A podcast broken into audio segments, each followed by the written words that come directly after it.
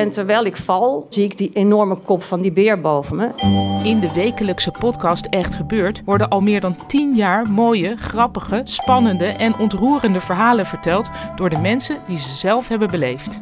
Het regende bommen, dat wil zeggen, om de zoveel tijd ontplofte er een bus. Er zijn al meer dan 400 afleveringen van Echt Gebeurd verschenen. Dit is geen sjamaan, dit is een achterhoeker. Abonneer je nu op Echt Gebeurd in je favoriete podcast-app. Man met de microfoon presenteert Lockdown. Een serie waarin we samen toewerken naar 1 juni. Dit is aflevering 19.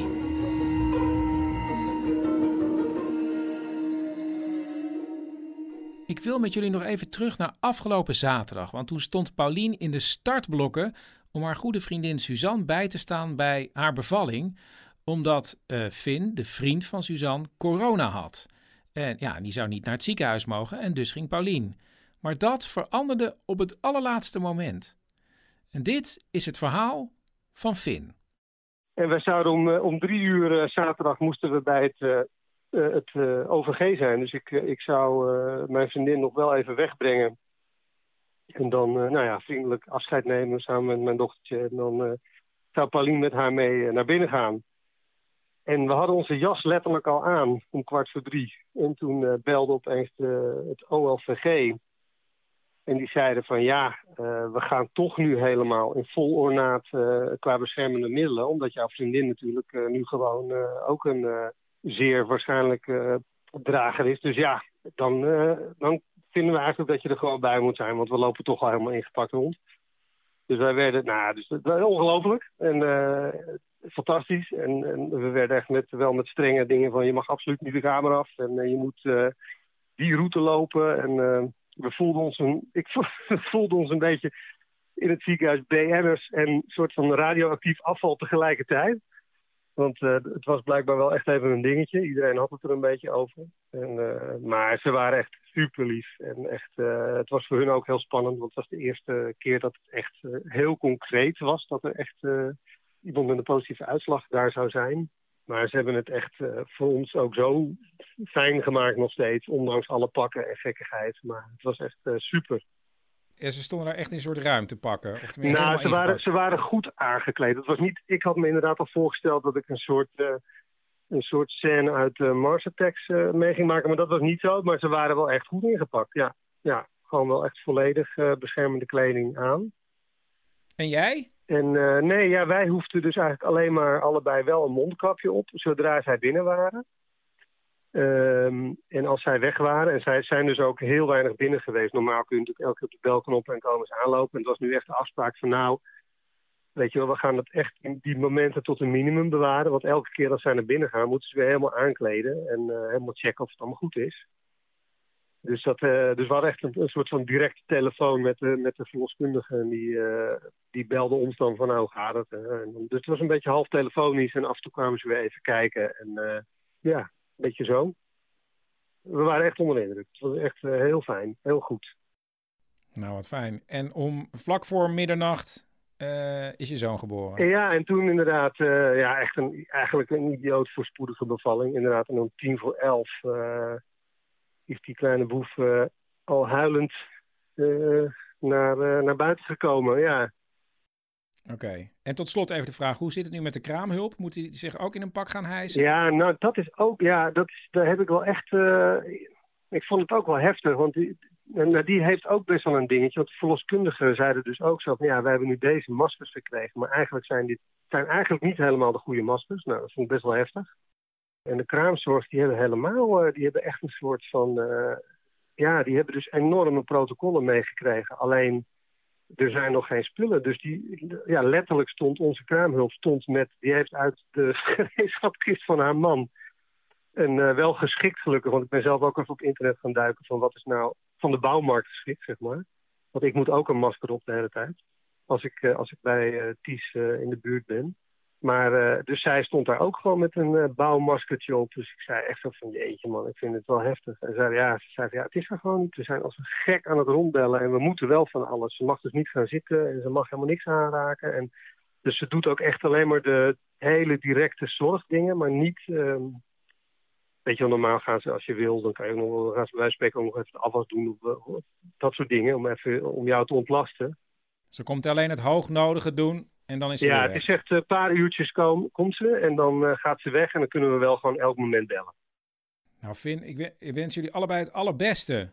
Dankjewel. En eh, dat, eh, dat gaat helemaal goed. Nou, het gaat echt supergoed. Hij is echt, eh, hij, is, hij is helemaal... eh, af en toe vergeet je dat je met een eh, masker op eh, in de weer bent. Dus het, het gaat echt heel goed. Ja, Oké, nou heel erg bedankt hè.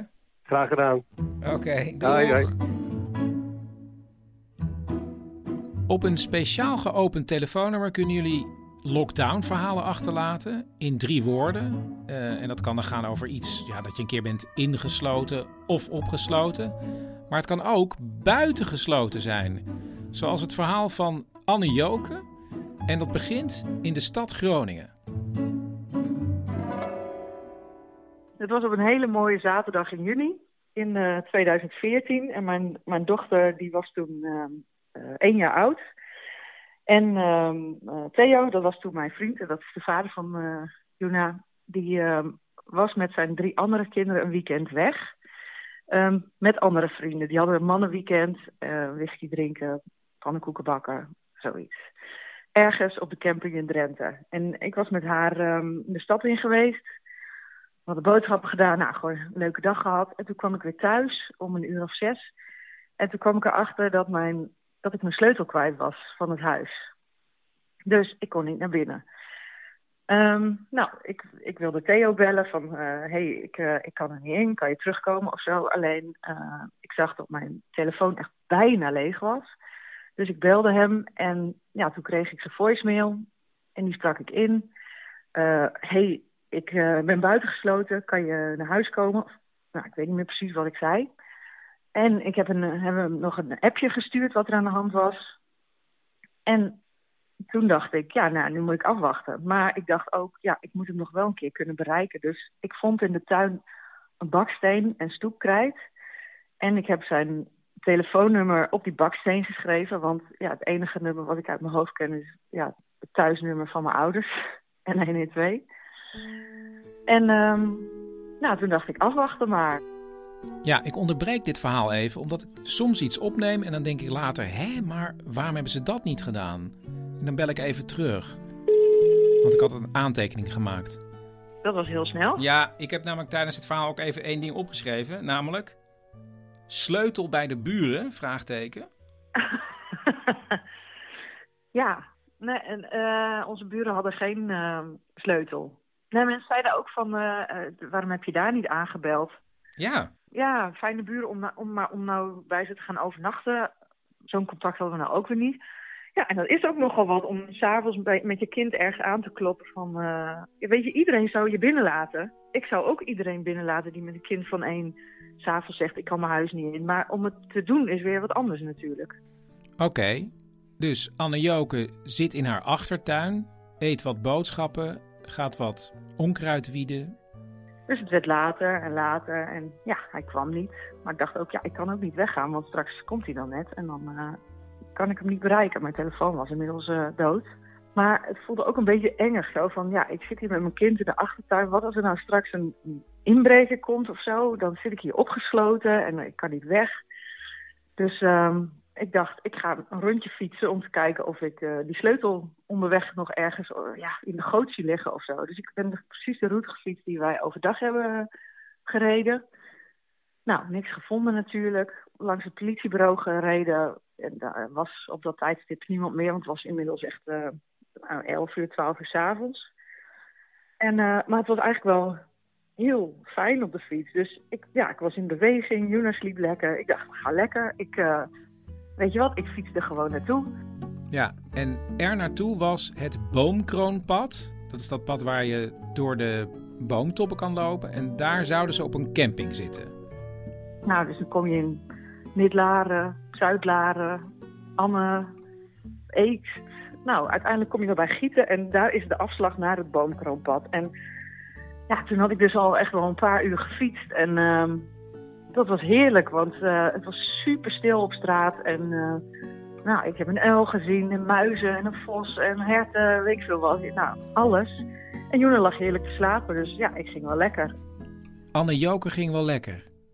En toen was het drie of vier uur in de nacht dat ze bij de camping kwam bij het boomkroonpad.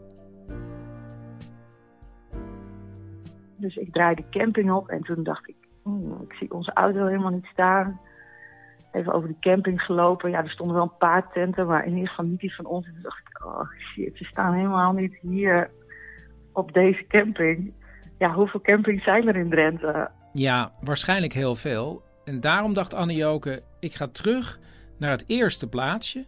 En daar zag ze dat er al mensen aan het werk waren heel vroeg in een hotel. Dus ik dacht, ik ga hem nog een keer proberen te bellen. Juna lag nog steeds te slapen. Die heeft nou echt de langste nacht van de leven gemaakt, ongeveer. En um, dus die heb ik in de fietskar laten liggen. En ik heb mijn baksteen met zijn telefoonnummer gepakt en ben naar binnen gelopen. En ik vroeg, hallo, mag ik even bellen? En die man, ja, die keek wel een beetje raar, maar die zei, ja, tuurlijk. Dus, nou, ik heb uh, Theo weer geprobeerd te bellen. Ik kreeg weer zijn voicemail. En ja, ik heb niks ingesproken. Ik heb gewoon opgehangen en ik dacht, we fietsen naar huis. En ik zie hem daar wel weer als we, als we thuis aankomen. En dus fietsen weer een paar uur door. En? Nou ja, om, uh, weet ik veel, om acht of negen s ochtends werd Juna wakker. En die stond uh, zingend achterin de fietskar. Die, die was echt in tophumeur. Ik ook, want ja, het was eigenlijk een heel fijn en mooi avontuur. Totdat we thuis de, de steeg in fietsten. En toen zag ik dat de het raam van onze schuur was ingeslagen. En toen dacht ik, oh, zie je wel. Nou, ik was heel blij dat wij dus weg waren gegaan, want ik dacht, er is ingebroken. Nou, totdat ik dichterbij kwam en het hoofd van mijn tante uit de schuur stak. En die, um, die zei, oh, daar ben je, hoe is het met jullie? Je moet nu je vader bellen. Ah, het, is heel, het is goed met ons. Dus ik belde mijn vader en die was volledig overstuur. Waar zijn jullie? Waar is Juna? En uh, nou, dus ik zei, we zijn oké, we zijn thuis. En uh, inmiddels kwam de politie eraan. Um, Theo kwam eraan. Uh, de, de buren kwamen eraan. En ja, iedereen was volledig in paniek. En ik dacht alleen, wat is hier gebeurd? Ja, wat was hier nou gebeurd, Anne Joke? Nou ja, wat er gebeurd was, is dat um, Theo op een gegeven moment weer bereik en ik kreeg toen mijn bericht en uh, die had ook een voicemail van een onbekend nummer. En hij belde dat en dat was een um, hotel in Borger. En hij zei, uh, ja, ik ben gebeld door dit nummer. En dus die man zei, ja, er heeft wel een vrouw vanochtend gebeld. En toen zei hij, oh, oké. Ja, die man zei, het was een beetje een raar verhaal, want ze stapte hier binnen met een baksteen en ze wilde bellen en toen is ze weer weggegaan. En toen zei hij van, ja, was er ook een kind bij? Nee, er was geen kind bij. En hij heeft mij een foto laten zien. Ja, het was wel die vrouw. Dus Theo dacht, wat is hier aan de hand? Heeft ze een psychose gehad of zo? Dat Juna nog boven ligt te slapen en dat zij is weggegaan en is gaan fietsen? Of die heeft de politie gebeld en die heeft mijn ouders gebeld. En iedereen is keihard op zoek gegaan. En um, terwijl ik rustig op de fiets tussen Borgen en Groningen zat in de veronderstelling dat ik thuis zou komen en uh, ja, dat zij dan ook thuis zouden komen en uh, dat ik uh, lekker kon gaan slapen.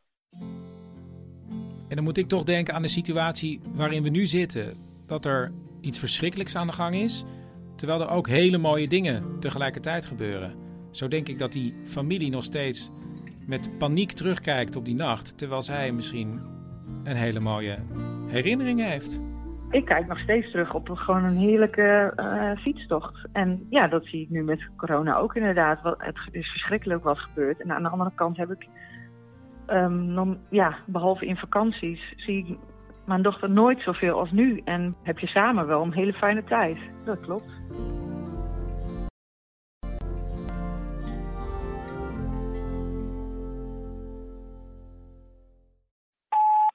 Hoi hoi, antwoordapparaat van de man met de microfoon. Uh, even een telefoontje van Tim. En Daan. Ja, uh, wij bellen even, want uh, er is nu heel veel in de media over single millennials die acuut vereenzamen, nu ze alleen thuis moeten blijven. En voor deze mensen hebben wij dus een keiharde tip. Ja, en die tip begint met een Q en eindigt met quarantaine buddy. Ja, um, als je alleen bent en je kunt het niet aan, zoek dan een quarantaine buddy. Dat is een vriend of vriendin die gewoon voor de time being bij je komt wonen. En dan doe je die hele quarantaine samen. En dan ga je dat avontuur samen aan.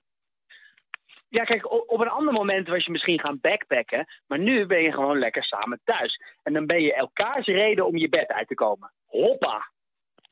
Ja, nou, eh, misschien hebben de luisteraars er wat aan. Eh, hoi. Hoi, hoi. Hoi, man met de microfoon. Even een update van quarantainebuddies Daan en Tim. Eh, alles gaat lekker hier. Gewoon zijn gangetje, toch Daan? Ja, Ja, ehm, lekker een beetje chillen, samen eten. Het enige weirde is dat je elkaar heel erg moet vertrouwen. Hè? Dat de ander niet afspreekt met iemand buitenshuis. Want dan krijg je alles van die derde persoon hier eigenlijk ook gewoon binnen. ik had mijn handen gewassen, dat zei ik toch? En ik heb misschien tien minuten met Erik staan praten op straat. Ja, maar het gaat dus niet om de tijd, het gaat om afstand, Daan. Je moet op afstand blijven. En dan kan je wat mij betreft anderhalf uur met Erik praten. Maar goed, als iedereen gewoon de volle 20 seconden zijn handen wast, dan zou het goed moeten gaan. Oké, hoi. Ja, man met een microfoon. Man, man met de microfoon. Luister, Tim is dus boos op mij, want hij heeft al uren in de keuken gestaan en ondertussen had ik de wijn al op. Mm, En nu is hij boos. Dus eh, ja, eh quarantaine buddies. Verhaal met vele kanten, zeg ik je nou, ben je nou die voicemail aan het inspreken? Misschien. Oké, nou, oké. nou, Oké, ja. ehm, hallo met Tim. Ik sta nog steeds heel erg achter het concept van quarantainebuddies. Maar ik heb wel nog even een kleine toevoeging. Namelijk, als je een quarantainebuddy zoekt, zoek dan iemand die niet continu buiten moet praten met Erik. Terwijl dat iemand is die het concept afstand niet begrijpt. En kies ook iemand die de deur dicht doet als hij gaat poepen. En kies iemand die de smaak van goed eten kan waarderen als je uren in de keuken staat. Voor, voor mij is een bord warm eten al genoeg, zeg ik altijd maar. Oh ja, oké. Ja, en, en, ook iemand die niet de hele tijd zeg ik altijd maar zegt. Daar moeten de luisteraars maar even over nadenken. Wie jouw quarantainebuddy zou mogen zijn. Ja, zou mogen zijn. Ja, oké. nou ja, ik, ik ga mijn noise cancelling koptelefoon pakken. Eh, ja, oké. nou, dag allemaal. Dag. Keep the distance. Nee, kusjes vandaan. nee, dus niet kusjes. Oké. eh, da- hartelijke zwaai allemaal. Dag. Doei. Dit was aflevering 19 van Lockdown. En meegespeeld als quarantainebuddies hebben Daniel Cornelissen en Tom van Kalmthout in een tekst van Paulien Cornelissen. Eh, mocht je een verhaal hebben, een lockdown verhaal, dan kun je natuurlijk bellen naar het telefoonnummer. Laat drie woorden achter. 084 83 71 282. En ik zou zeggen, slaap lekker of goedemorgen. Maak er een mooie dag van.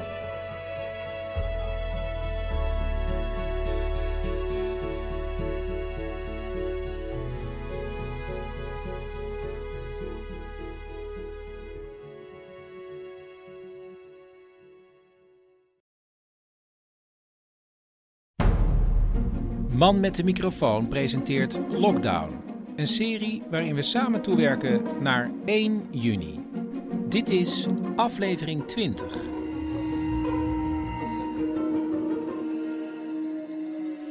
Daar zitten we weer. Mhm. We hebben net gekeken naar de persconferentie.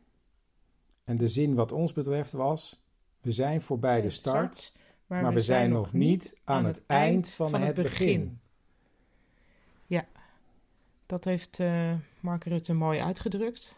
is iemand die blijkbaar ja, de tijd beschouwt in compartimenten die weer verder zijn onderverdeeld in compartimenten. Ja. Dus we hebben het begin, het midden en het eind. En die alle drie zijn we dus denk ik weer opgebouwd in daarvan het begin, het midden en het Ja. eind. En ik denk dat we nu dus volgens de analyse dan zitten in het midden van het begin. ja. Dus dan zouden we op twee negende zitten. En dan moeten we nog zeven negende. Hup. Want het is nu tot 28 april. We zijn eigenlijk nauwelijks twee weken onderweg. En het worden er nog meer dan vier volgens ons. Ja, dus we zijn inderdaad in het midden van het begin. Ja. ja. Ja, dat is me wat, hè? Heb je nog iets? Mm, ik moet heel veel PR-dingen doen voor mijn boek dat uit gaat komen, ondanks corona. Ehm, en dat blijkt dan nu dus ook dat er allemaal interviews ook via FaceTime kunnen. Ik, ja, dat zou ik wel eh, willen doortrekken naar het gewone leven. Ik denk niet dat journalisten dat willen. Want die willen altijd ook je kunnen Face ruiken to of face. zo. Ja. Ja, maar het is face-to-face. Maar ze willen Oh. ook dus... Ze willen ook zien hoe je dat kopje koffie dan bestelt. En of je daar havermelk in hebt of zo. En dan kunnen ze dat beschrijven. Hoe je daar zit. Ja, nu dus dat. misschien wel doen. Ja. Nou, dan had ze, hadden ze, had- nee, misschien gaan ze dat ook wel doen. Van, ze zit in haar huistrui op de bank. Achter haar hangt een, een aftanse poster. het is duidelijk dat ze een slonzig huishouden heeft. ja. Nou, we zullen zien. Heb jij Eh, nog iets? Nee, ik heb volgens mij niks. En ik... ehm, Oh ja, ik vind het wel grappig. Oh, mag ik nog iets Ja? zeggen over Mark Rutte? Dat ik het heel grappig vind dat hij dus duidelijk wel kritiek heeft op ons. Maar heeft besloten van nee, alles is... We zijn volwassen en trotse mensen. Dus alles gaat goed. Want vrijwel iedereen doet gewoon zijn best. Weet je, en dat je Ja. voelt van... Maar er zijn toch een paar mensen die hem wel heel erg teleurgesteld hebben. ja, maar ik voel nu ook bij zo'n opmerking dat hij ook les geeft op een middelbare school. Ja, Zo'n leraar is het gewoon. Ja. ja, van hartstikke goed jongens. Jammer van die paar... Nou, dat zegt hij dan dus niet eens. Maar dat voel je wel. Ja. Eh, nou, volgens mij kunnen we dan beginnen. En ik begin met Wiek.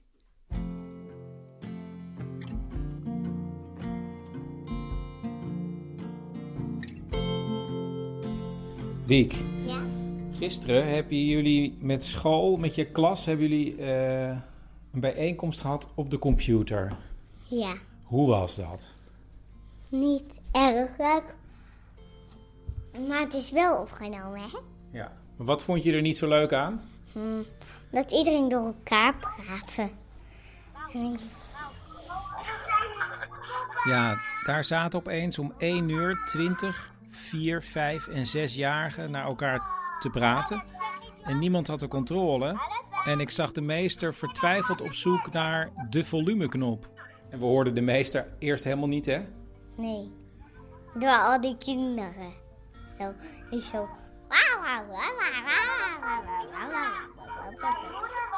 En ja, we bleven even zitten en toen zei hij op een gegeven moment... Ik wil niet zo. eh, ik vind het niet zo leuk. Zei ik toen. Ja. En toen ben je opgestaan en weggelopen, hè? Ja. Naar mama. Ja, en ik heb nog even gebiologeerd gekeken naar de chaos. En toen de laptop dichtgeklapt. Wij proberen met z'n tweeën de hele dag Wiek eh, ja, iets te leren of met Wiek te spelen of hem te laten spelen. En soms gaat het goed, soms eh, hebben we een beetje oneenigheid. En soms ontdekken we iets wat heel erg leuk is om te doen. Bijvoorbeeld woorden zoeken in het park. Hier, Wat staat er op die fietsbak? hier. De, Nee. Be, a, En is en 1A is een. a, Dus? be, a, k. I, ts, s. Bakfiets. Yes!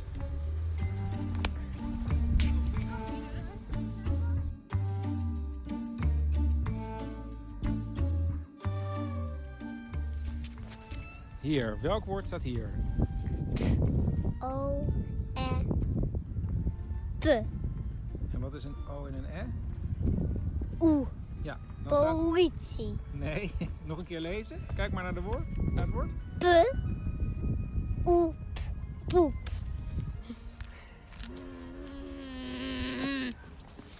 Weet je waar het over gaat? Nou, Over hondenpoep. Die moeten ze opruimen hier.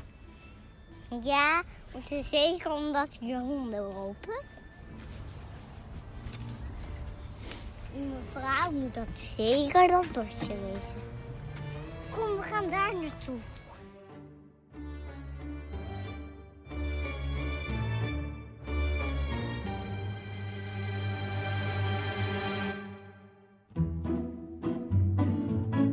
Als je drie woorden hebt achtergelaten op het speciale telefoonnummer, wat ik nog ga noemen later aan het eind, dan is de kans dat ik jou ga bellen voor jouw lockdown-verhaal. Zoals ook Hallo, met Maria. Maria den Hartog. Hoi Chris. Hoi Maria, wanneer speelde jouw verhaal zich af? Ehm, het was in eh, 2012 of 2013, zoiets. Ik ging studeren toen aan een eh, university college. Waar was het? Het was in Middelburg. En hoe was het daar? Nou ja, er, er werd heel hard gestudeerd. Het is een hele zware opleiding, maar er werd ook wel eh, gefeest en zo. Eh, maar ik, ik deed dat zelf niet zo. Ik was daar niet zo eh, van. Maar ik had wel vrienden die dat allemaal wel deden. En ik vond het dan wel interessant om hun verhalen te horen. Over ja, wat ze dan allemaal uitspookten als ik al lag te slapen. En ehm, er was een ochtend dat ik een eh, vriendin van mij tegenkwam. En die zei: Ik moet even wat kwijt. Ik ben naar bed geweest met iemand waar ik niet naar bed mee had eh, moeten gaan. Eh, het eerste dat ik vroeg was: heb je een condoom gebruikt? Want ik was altijd heel erg bezorgd over die andere mensen, dan of het wel goed met ze ging, met al die alcohol en zo. Maar ik was ook wel geïnteresseerd in het verhaal. Ik wilde het wel horen en zij wilde het ook kwijt, dus dat was eh, goed. Ze vertelde, ja, het, het, was dus iemand waar ik eh, eigenlijk, als ik gewoon nuchter was geweest, was ik er niet mee naar bed geweest. Het was eh, een van mijn buren. En ze had twee buurjongens. En de ene was wat knapper dan de andere. En het was niet die, die ze dan knapper vond, maar het was de andere. Ehm, ik wilde graag het verhaal horen. En we gingen in de lift. Gingen we naar mijn kamer. En ik woonde op de zesde verdieping. We stapten in die lift. En vlak voor die deur dichtging kwam er nog iemand bij in de lift. Maar ik zat ondertussen helemaal in dat verhaal. Ik was helemaal gefocust op het verhaal. Dus, dus ik zei eigenlijk, ik bleef zeggen, vertel nou, vertel nou dat verhaal. En eh, mijn vriendin die begon in één keer over heel iets anders. Van, oh, ik laat je zo wel de foto's zien. Eh, ja, het was een hele leuke vakantie. En ik dacht, wat? Nee, ik wil, ik wil niet horen over een vakantie. Ik wil horen over van die, eh, die jongen en dat gisteravond. Ehm, op de vierde verdieping stapt de jongen uit en ik denk, ah, eindelijk. Nou, verder met het verhaal. Maar eh, er kwam niet echt meer verhaal. Die vriendin van mij, die, die kijkt mij wel alleen maar een beetje zo aan van, ja, wat doe jij nou allemaal? En eh, die zegt, ja, dat was dus die jongen, die jongen van gisteravond. En had je het idee dat die buurjongen wist waar jullie het over hadden? Ik denk het wel, ja. Dat kwam allemaal achteraf, dat besef bij mij. Want mijn sociale voelsprieten waren gewoon totaal niet ontwikkeld. En ik was heel naïef ook toen. Oh, wat grappig. Jij deed helemaal zelf helemaal niks. Nee, en ehm, ik heb in 2017 de diagnose autisme gekregen. Ah, En achteraf denk ik ook van ja, dit was gewoon zo'n sociale situatie waar ik totaal gewoon niks door had. En achteraf snapte ik het allemaal wat er, wat er mis was gegaan. Maar in dat moment zelf was ik gewoon me nergens van bewust. Hey, maar dat is misschien een rare vraag, maar hoe is het voor jou als je autisme hebt? Hoe is het dan nu? Want het is een beetje een autistische situatie nu eigenlijk, met dat corona, of niet? Ja, ja, het is heel veel thuiszitten. Daar ben ik op zich wel goed in. En eh, weinig contact met andere mensen kan ik ook heel goed hebben. Ik kan heel goed wel alleen zijn. Ik woon wel samen met eh, mijn vriend en daar ben ik ook wel weer heel erg blij mee. Want ik kan mezelf ook wel heel erg in paniek maken soms. En waar uitzicht dat dan in? Nou, het allerergste moment voor mij was eigenlijk tot nu toe dat er al die maatregelen kwamen. Want het was een hele grote verandering natuurlijk in ons leven. En veranderingen is nou juist iets waar ik niet zo goed mee ben. Wat gebeurt er dan met jou? Ja, ik, ik moet altijd heel snel huilen van dingen. Ik moest ook huilen. Ehm, er kwam wel eh, paniek ook. Ik vind normaal gesproken het leven al best wel uitdagend soms. En dingen zoals naar de supermarkt gaan, dat ja, vind ik eigenlijk al soms best wel moeilijk. En nu verandert ook nog dat patroon helemaal. Van oké, nu ga ik naar de supermarkt, maar nu moet ik me weer anders gedragen. En dat is, ja, vind ik best wel lastig. Dus eigenlijk vermijd ik het best wel allemaal. En laat ik mijn vriend allemaal een beetje de dingen buiten doen, zeg maar. Aan de andere kant zou je ook zeggen, zijn er nu ontzettend duidelijke afspraken. Wat voor iemand met autisme misschien ook Ja. alweer heel handig is.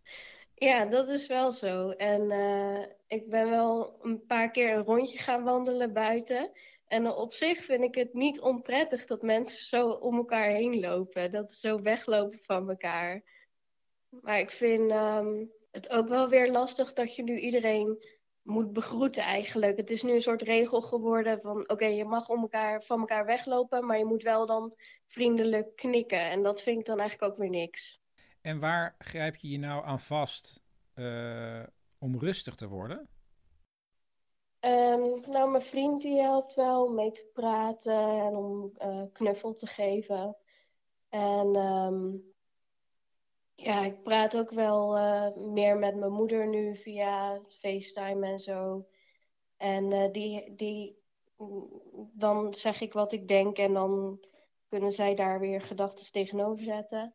Ik heb ook een, uh, een psycholoog en die fungeert nu tijdelijk eventjes als coronacoach, zeg maar. Die heeft een heel lijstje gestuurd met allemaal dingen om mentaal gezond te blijven tijdens quarantainetijd, zeg maar. Dus ritme houden, op tijd naar bed gaan, uh, gewoon uh, op een vaste tijd ook proberen op te staan. Blijf je aankleden, blijf je wassen, niet verwaarlozen en zo. Ook je huis niet verwaarlozen. Dat soort dingetjes. En hoe gaat dat? Lukt dat? Ja, dat gaat best wel goed. Nou. Ja, ik ben gewoon aangekleed nu. Heel goed. Nou, ik hoop dat er gewoon een soort stabiele coronasituatie voor jou dan nu uh, ontstaat. Dat je in ieder geval ja. langere tijd weet waar je aan toe bent. Ja, nou, ik denk dat we dat, dat vanavond wel gaan horen. Maria, ontzettend bedankt. Ik ga je ophangen. Ja, leuk dat je gebeld hebt. Ja, en leuk dat je luistert ook en dat je drie woorden hebt ingestuurd. Ja. Oké. Okay. Oké, okay, doeg.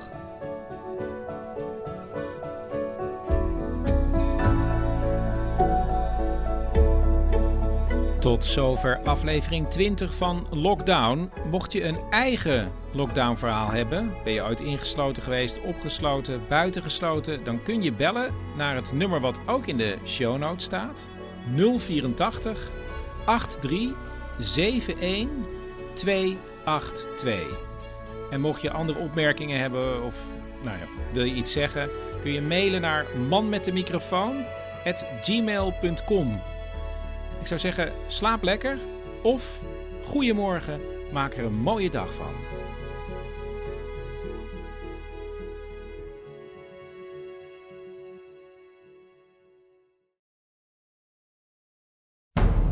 Man met de microfoon presenteert Lockdown. Een programma waarin we samen toewerken naar 1 juni. Dit is aflevering 21.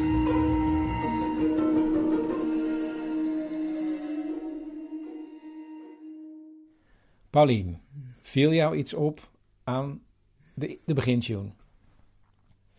Um, je zegt hem veel relaxter dan aan het begin van deze reeks. Verder, maar dat doe je expres volgens mij. Ja, ik begon als een soort thriller, maar ja, dat is niet Ja. meer gepast. Nee, omdat het dat nu echt is geworden. Ehm, je zegt niet meer het woord serie. Ja, een serie waarin we samen toewerken Ja. naar 1 En juni. nu, wat zeg je nu? Een- ik zeg nu programma. Een programma. En weet je waarom? Vertel. Nou, omdat ik zag dat er een luisteraarster was. Ja. En die eh, had het volgende. Elke keer als ik serie zei, dan opende het spraakbesturingssysteem Siri van Apple zich. Dus nu ook bij haar. Ja, Dus als ik nu ook- serie zeg, ja. Dus we kunnen nu ook haar, haar telefoon opdrachten. Even voor mensen die niet weten wat het is. Siri is dus dat je kan zeggen van... Siri, zoek deuner kebab in de buurt. Of Siri, wat is eigenlijk de viking-invasie van 1066? Ik noem maar wat. Dat En dan zoekt Siri dat voor jou maar- op. En die vertelt het dan met zo'n computerstem. Dus Maar- nu zullen we iets voor verzinnen voor haar? Ja, serie. Een mooie serie. Want Siri- als ik nee, serie maar- zeg... hoort- Siri en dan bel mama. En dan gaat hij nu haar moeder bellen. maar ik zeg niet Siri, maar serie, hè? Ja, maar dat is dus ook al goed. Ja, serie, bel mama. Heb jij nog iets? Ja, wat ik heel raar vind, ik heb al geprobeerd hier een stukje voor over te schrijven voor de krant, maar dat lukt me niet. Ehm, dus zeg ik het maar hier, dat ik merk hoeveel van mijn uitjes met Wiek normaal gesproken naar de winkel zijn. Dus als ik denk, nou, de rek is een beetje uit de dag, achtertelus gaan doen. Even naar de Albert Heijn, even naar de HEMA.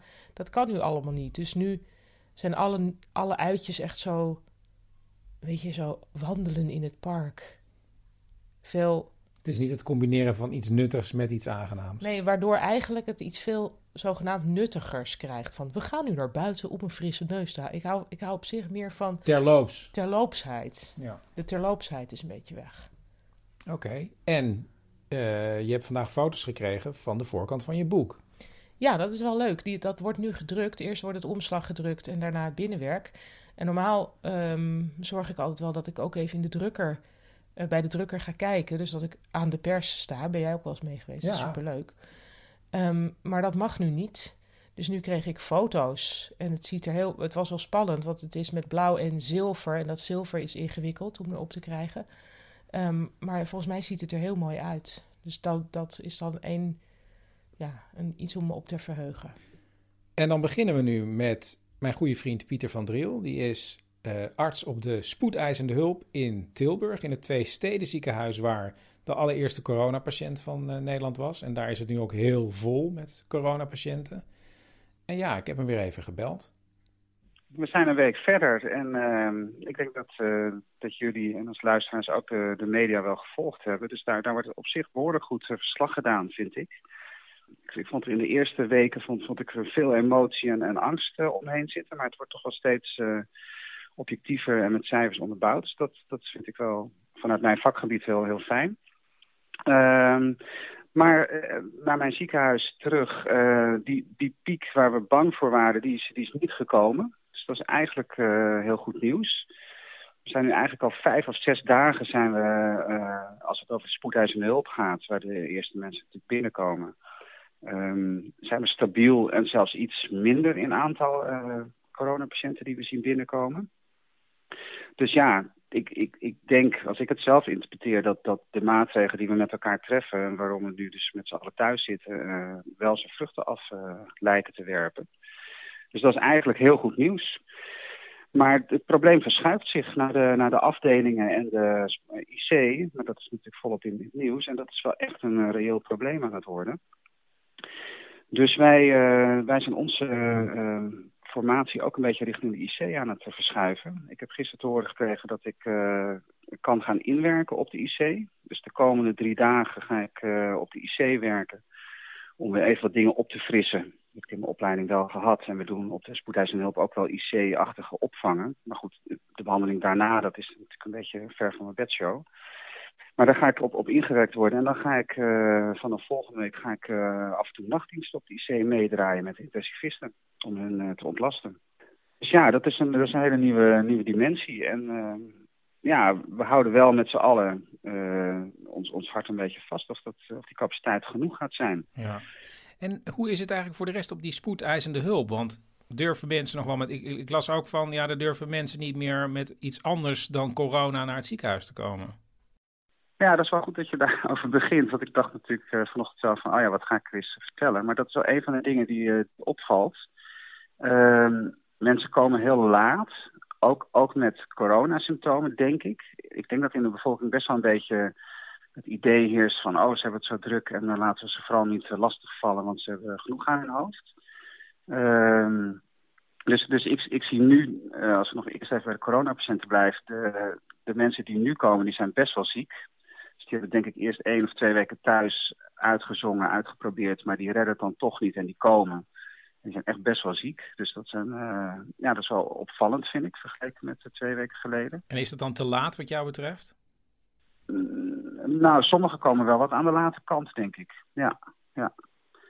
Aan de andere kant is het ook zo dat, uh, dat het ziektebeeld soms opeens heel snel verslechtert. Dus, dus dan komen ze heel ziek en dan denk, denken wij van ja, was, was eerder gekomen. Maar dan zijn ze nog maar sinds twee uur aan het verslechteren of zo. Dat, zo snel kan het soms gaan.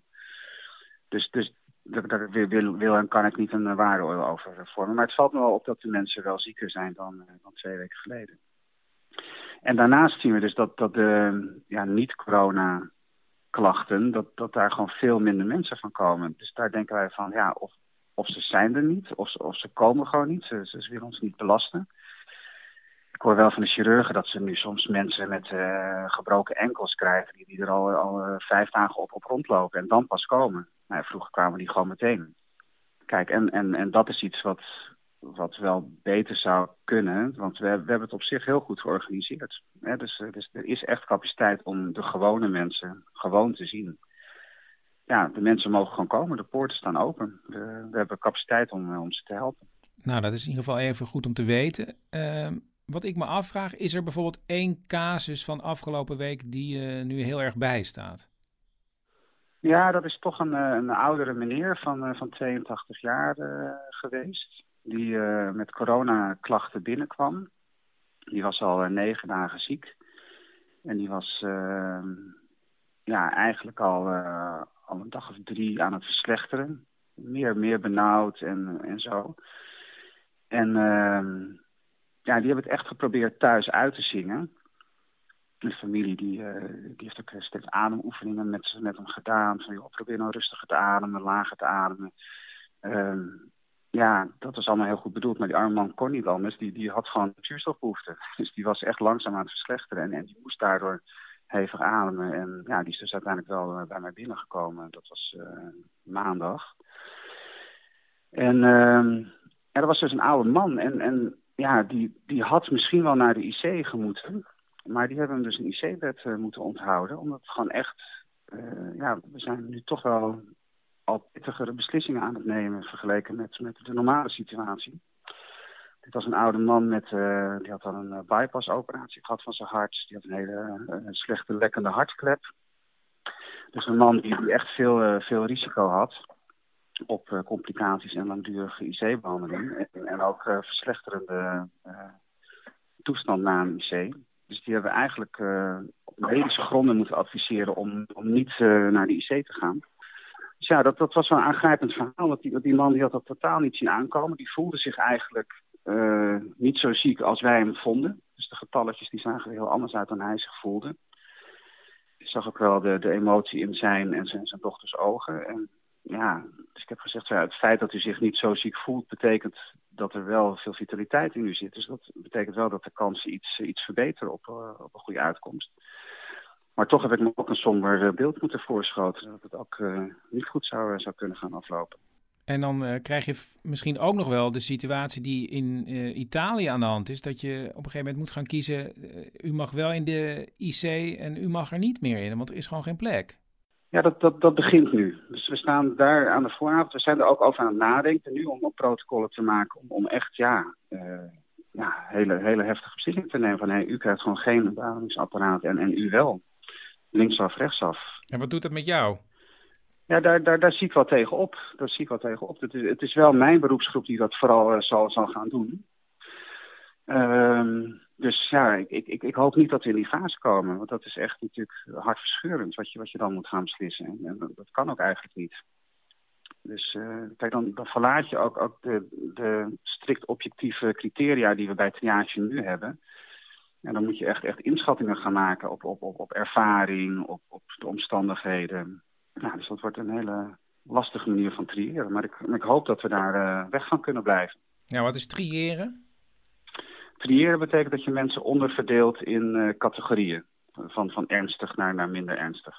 Schifting is het uh, letterlijk. Ja. Zijn er eigenlijk ook mensen die binnenkomen en zeggen: Ik hoef niet te worden opgenomen op de IC uiteindelijk? Ja, ik had, uh, op diezelfde dag had ik een meneer, nog, nog geen uur later, die was ook 82 trouwens die, voor, voor wie het allemaal niet meer hoefde eigenlijk. Die, uh, die was vier maanden tevoren was die geweest. En die had eigenlijk nooit meer zijn oude energieniveau bereikt. En, en voor hem had de kwaliteit van leven echt ingeboet. Dus die had zoiets van, uh, nee, ik hoef zeker geen IC. En, en als, als dit er is, dan heb ik daar echt vrede mee. Dus ja, dat, dat is de andere kant van het spectrum. Dus die, die kom je ook tegen. En ja, dat, dat, dat helpt wel in, in mijn vak. Dat beslissing niet voor hun hoeft te nemen. Dus dat is op zo'n moment wel, wel prettig. En, en ook wel invoelbaar bij zo'n meneer. Ik uh, kan dat wel, wel meevoelen, ja. ja. Nou ja, ik, uh, ik wens je alle sterkte weer. En ja, we hebben wel weer contact, denk ik dan.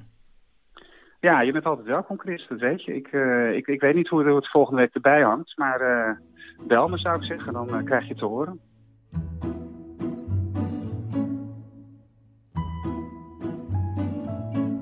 Eh, ja, eh, hallo. U had gebeld met de woorden onderwijs, paniek en wanhoop. En toen dacht ik, gaat dit over thuisonderwijs?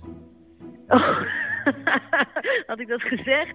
Oh, nou, nou dat, was, dat was heel erg een momentopname, denk ik. Want nu gaat het echt perfect. Oh, wauw. Eh, ja, wat doet u dan? Want misschien is het handig voor de luisteraars. Nou, ik heb me de eerste vijf nachten ingelezen in de pedagogische theorie. Nachten? Hoezo nachten? Ja, overdag was ik met de kinderen bezig. Dus dan heb je de nachten voor de verbreding en de verdieping. En nu weet ik dus alles van de theorie van het lesgeven, waardoor ik veel minder paniek ervaar. En hoe ziet zo'n lesdag er dan bij u in praktijk uit? Nou, ik begin de dag volgens de vrije schoolmethode. Dus ik zeg met mijn kinderen de ochtend goed op. Ik zie rond in de wereld, waarin de zon haar licht zendt, waarin de sterren fonkelen, waarin de stenen rust. Nou ja, goed, bla bla bla bla bla bla. Je kent het waarschijnlijk wel. Eh, nee, niet echt. Daarna stap ik linea recta over op Montessori. Maria Montessori die heeft gezegd, de beste instructie is de instructie die de minste woorden nodig heeft. Dus beeld ik in de ochtend alleen maar dingen uit. Oh, en werkt dat dan? Nou, de kinderen dachten dat we bezig waren met dansles, terwijl ik iets probeerde over te brengen over staartdelingen. Maar daar gaat het niet om. Er heeft overdracht plaatsgevonden. Het is niet aan mij om die te labelen. Oké. Tijdens de lunch zijn we helemaal Jenaplan. Volgens de Jenaplan-methode heeft iedereen het recht om een individu te zijn, dus iedereen maakt zijn eigen lunch. Oh, dat is handig. Nou, en dan na de lunch doen we Dalton. Volgens de theories van Helen Parkhurst, weet je wel. Ja, dat is vooral gericht op het doel dat kinderen zonder vrees in de wereld moeten staan als een onderdeel van de samenleving. Dus ehm, meestal moeten ze dan boodschappen doen of zo. Want als dat je in deze tijd lukt zonder angstaanval in de Albert Heijn, dan ben je al heel eind. Jeetje, is dat niet wat veel? Ja, kijk, ik zag natuurlijk ook wel in dat ik de nieuwe leervormen hierbij zo'n beetje over het hoofd zag. Dus zo vanaf de thee tot aan het eten laat ik ze zelf ontdekken waar hun interesses liggen. En hoe, hoe doen ze dat? Op de iPad. En wat voor een interesse hebben ze tot nu toe ontdekt? Eh, Ze zijn vooral heel erg bezig met het onderzoeken van hoe andere kinderen overal ter wereld hun speelgoed uitpakken. Oh, oh ja, van die unboxing video's. Oh, dat vind ik altijd zo deprimerend. Nou ja, ik denk dat ze hiermee vooral aangeven dat ze het sociale contact met leeftijdsgenootjes missen. Maar dat ze zichzelf tegelijk ook klaarstomen om vraagtekens te zetten bij de consumptiemaatschappij. Oh. Maar sorry Ja. dat ik het zeg, het klinkt wel heel vermoeiend allemaal. Ja, dat is het ook, ja. Maar ja, eh, na zo'n heel dagprogramma zitten vijf natuurlijk ook alweer in de klok, hè, als u begrijpt wat ik bedoel. Oh, u, u, u, u bent dan even uw interesse in de fermentatieprocessen in verschillende druivensoorten aan het ontdekken. ja, ja, ja, precies, ja. ja, precies, ja, oh, heerlijk, ja. Ja, nou, Ja. sterkte dan maar. Ja, nee, alles gaat perfect.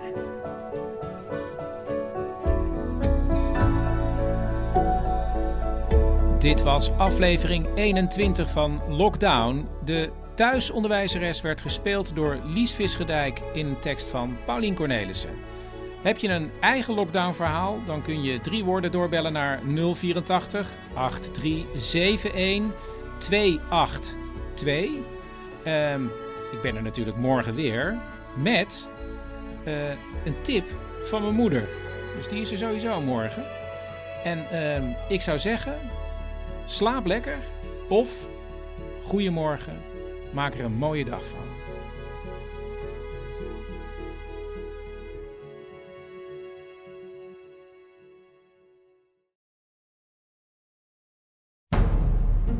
Man met de microfoon presenteert Lockdown, een serie waarin we samen toewerken naar 1 juni. Dit is aflevering 22.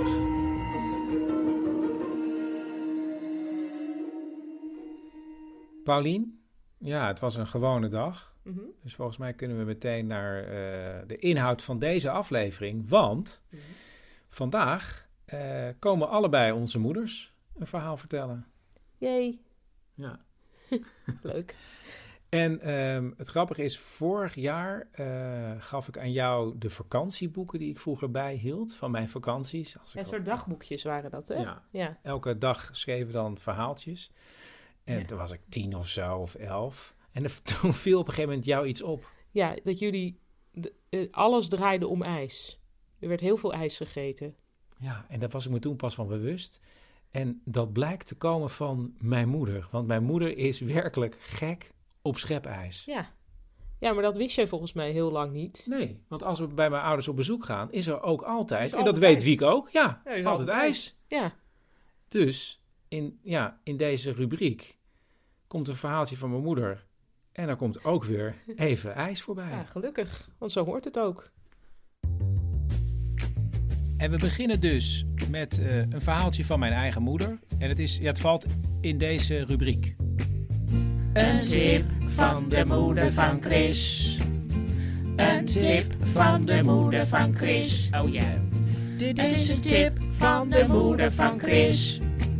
Tip van de moeder van Chris. Ja, wat ik nou ook aan het doen ben, hè? Mijn bureautje aan het opruimen. Nou joh, een bureautje is een kluis van je eigen geschiedenis. Wat je daar allemaal weer in, in, in terugvindt, dan denk ik, jezus, dat heb ik ook gedaan. En dan heb ik al met 24 een reis geleid eh, naar Bad Wildungen. Nou, ne- nee, niet Bad Wildungen, eh Wieningen. En nou, dus sta ik versteld dat ik dat met 24 heb gedaan. En ook eh, zie ik dan wat, wat ik allemaal bij die plattelandsvrouw heb gedaan. Dat ik in de kop van Noord-Holland, midden in de winter, met het autootje hartstikke donker, een dorpshuisje moest vinden, bijvoorbeeld in het zand, om daar een lezing te geven. Dat ik dacht dat ik dat allemaal gedaan heb. Wat, en wat, voor, wat voor leuk spulletje heb je, heb je, niet, heb je nog een leuk spulletje gevonden? Ja, wat ik een leuk. Och ja, weet je wat ik ook nog weer heb gevonden? Ik dacht dat ik het weg had gedaan, werkelijk waar. Ik, weet jij dat ik zo'n eh, speeldoosje had van zo'n chaletje? En, eh, en dat speelde dan als je het opdraaide edelwijs. Ja. Dat had ik, eh, ik geloof dat ik iets van negen jaar was. En we waren in Zwartswald. En ja, je kan je niet voorstellen.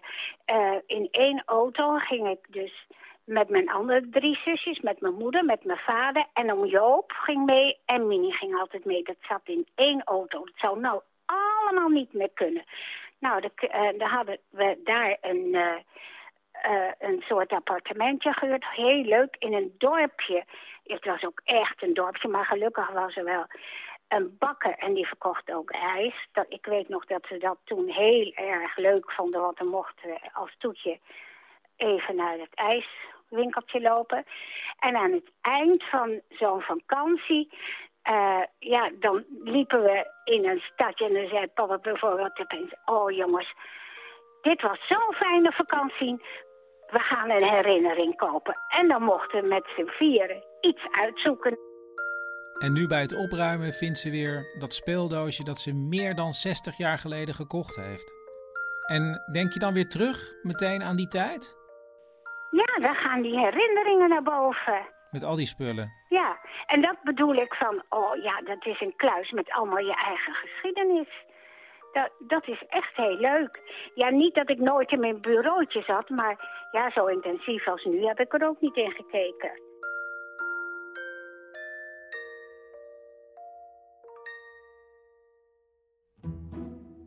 Tot zover mijn moeder. En dan nu dus de moeder van Paulien. Ze heet Martien. En die leest iedere ochtend via de iPad een verhaal voor uit de serie Paddington aan Wiek. Volgens mij hebben ze al acht boeken gehad. En ze zijn inmiddels volgens mij ook overgestapt op een ander boek. Wiplala, dacht ik. En eh, ja, daar gaat dit nu niet over, want ik luisterde gisteren de voicemail van mijn programma af. En wie stond daarop? Hallo Chris, dit is Martien. Mijn drie woorden zijn de Parijse Salon d'Automobile, 1977, parkeergarage. En toen dacht ik, ik ben eigenlijk wel benieuwd naar dat verhaal. Dus, ik heb Martien gebeld. Ja, maar en, en als ik het verhaal vertel, Chris, moet ik dan het aan mijn schoonzoon vertellen of aan een vreemde interviewer? Nee, je kan het aan mij vertellen. Ja? Oké. Nou, zal ik dan maar beginnen? Begin maar. Nou, het, is een verhaal uit 1977. Toen was ik 31 jaar oud. En het, is voor het hele verhaal wel heel belangrijk om te beseffen dat we toen geen eh, mobiele telefoons hadden. Hè? Niks hadden we op dat gebied. En eh, eh, nou ja, Fred en ik hadden een heel druk gezinnetje met de twee kleine kinderen van, van ruim anderhalf en ruim drieënhalf. Ja, je had Bram. Dat was een heel eh, druk en, en vrolijk peutertje, echt. Heel grappig. En Paulien. Die liep nog niet. Die was gewoon lekker bezig om zich te ontwikkelen. Hé hey Paulien, ik onderbreek dit verhaal van je moeder even, want eh, anderhalf, je kon nog niet lopen? Nee, ik was heel laat. Maar ik kon wel praten. Dus ik, eh, volgens mij altijd, hè, als je laat loopt, maar vroeg praat, dan kun je zeggen: Zou ik even dit speelgoed mogen hebben, lieve moeder? En dan wordt het je gebracht. Oké. Op die toon ook, hè? Gaan we nu terug naar de moeder van eh Paulien, Martien, en haar vader Fred. Eh, en ja, het toen drukke leven van een jong gezin. Eh, allebei een, een halve baan, maar dat liep soms wel uit of ongeregeld. Nou, veel, dat was best een hele drukke periode. We hadden ook wel soms oppassers en hulpen. En. Maar we probeerden wel toch ook om eh, af en toe iets voor, ja, als individu te doen. En Martien wilde wel op bezoek bij twee vrienden in Parijs, Michel en Liliaan. Dus toen had ik eh, aan hun gevraagd of ik een weekje bij hun in Parijs mocht komen logeren. Nou, dat was prima. En ik ging naar Parijs, ik denk op een dinsdag met de trein. Toen eh, ja, kwam ik daar aan en Michel had half iets gezegd dat hij me zou komen halen, maar ik zag hem niet op het perron. Dus ik eh, nou, ben naar hun huis toegegaan. Het was ja, in zo'n oude buurt die nu heel erg hip en duur is, toen nog wat minder in de Marais. En ik, het was een smalle straat waar wat mensen, eh, de straat lag open, er waren mensen aan het werk. En, eh, maar goed, ik, ik, ik belde daar aan, maar er werd niet open gedaan.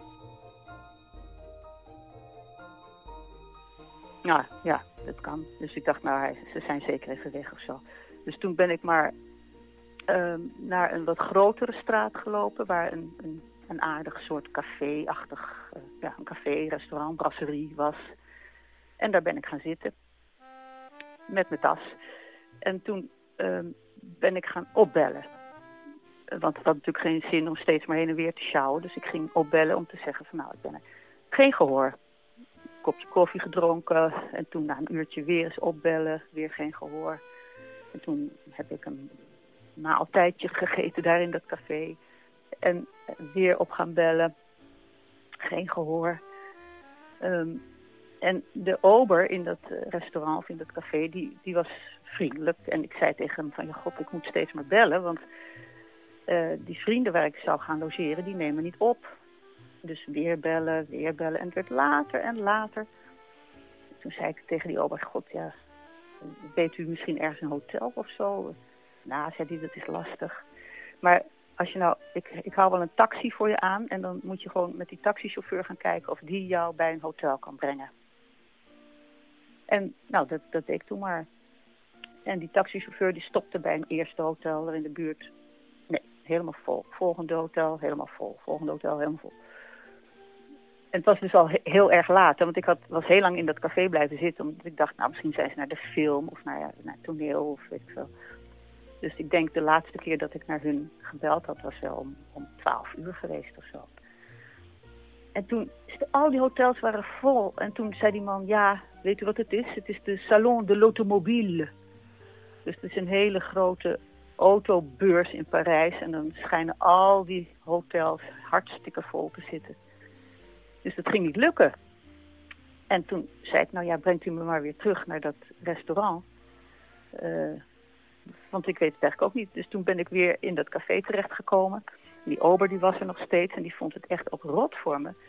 En die zei, ja, god, ik, eh, ik kan je niet mee naar huis nemen. Ik bedoel, mijn vriendin die ziet dat echt niet zitten als ik daar met een vreemde dame aan kom zetten.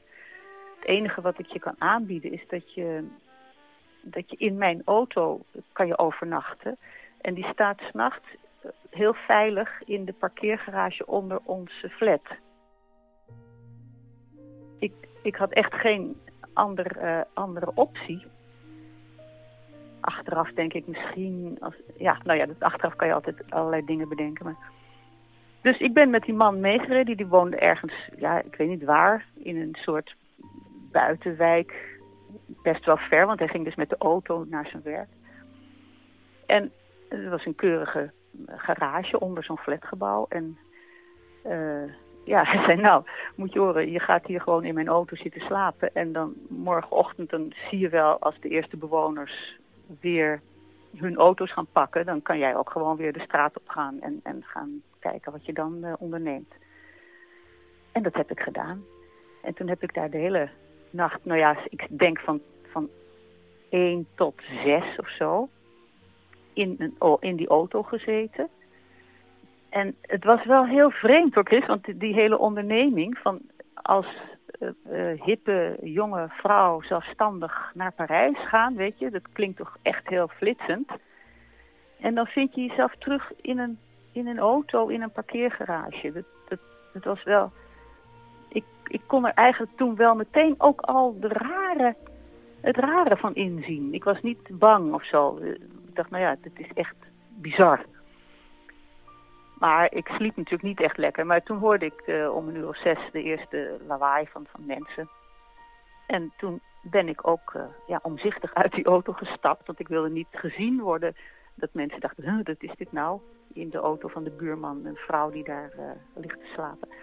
Maar ik ben op straat gekomen en dat was ja, een, beetje een onduidelijk soort wijk. En toen zag ik wel een soort pensionnetje en ik was hartstikke moe. Dus toen ben ik bij dat pensionnetje gaan vragen... Kan ik hier misschien even een paar uurtjes slapen... totdat ik naar mijn volgende afspraak kan. Nou, dat kon. En toen heeft ze een paar uur geslapen... en is weer opgefrist vertrokken. En toen ben ik weer naar dat huis van Michel en Liliane gegaan. En ik heb aangebeld en deden ze open. Ha, ben je er? God, we dachten dat je gisteren zou komen. Maar ja, Michel is nog naar het station gegaan. Maar... Dus ik heb me, waar waren jullie dan? Nou, wij waren gewoon thuis. En wat bleek nou? Door de werkzaamheden op straat was zowel de telefoonlijn als de elektriciteit van de bel, die waren daardoor buiten werking gesteld. En het is niet dat Martina een of andere detective-schrijfster is of zo, maar het viel me wel op dat ze dit element expres in de verhaal had verwerkt toen ze het vertelde. En ik, het was een smalle straat waar wat mensen, de straat lag open, er waren mensen aan het werk. Een heel terloopse aanwijzing. Maar goed, ze was nu weer terug bij de Franse vrienden. Nou ja, toen kwam ik bij hun en ze waren hartstikke aardig. En toen mocht ik lekker in hun bed nog weer uh, extra gaan uitslapen. Er zat een heel groot bed met een soort zijden lakens. Dat was heerlijk. En toen heb ik, uh, nou, vijf echt hartstikke mooie dagen gehad in Parijs. En ik ben nog naar dat café natuurlijk teruggegaan om die man te bedanken, maar die had geen dienst. En toen heb ik een doosje sigaren, want ik had dat gezien in zijn auto, dat hij sigaartjes rookte. Heb ik een doosje sigaren achtergelaten met een briefje. En ik wist niet hoe die heette, maar nou ja, ik hoop maar dat dat uh, nog uh, terecht is gekomen. Martien heeft nog een paar fantastische dagen in Parijs gehad en is toen weer met de trein teruggereden. En toen kwam Fred, die, Fred kwam mij afhalen van het perron, op het perron, op het Centraal Station. Met de twee kindjes, Bram en Paulien. En wat toen gebeurde was echt heel erg ongelooflijk prachtig. Dat hij zakte, zakte een beetje door zijn knieën en hij gaf Pauline een duwtje. En Pauline die liep op mij af. Dat waren haar eerste stapjes, had ze die week geleerd. Want tot die tijd, toen ik wegging, kon ze nog niet lopen. En toen ik terugkwam, toen liep ze zo op me af.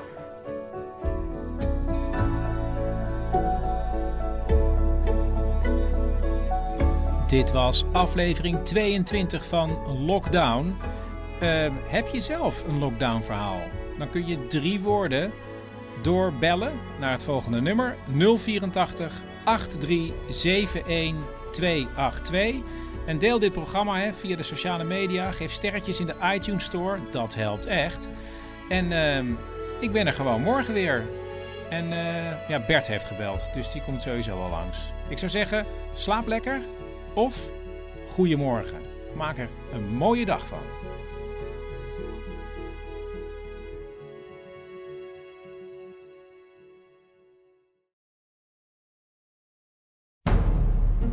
Man met de microfoon presenteert Lockdown. Een serie waarin we samen toewerken naar 1 juni. Dit is aflevering 23.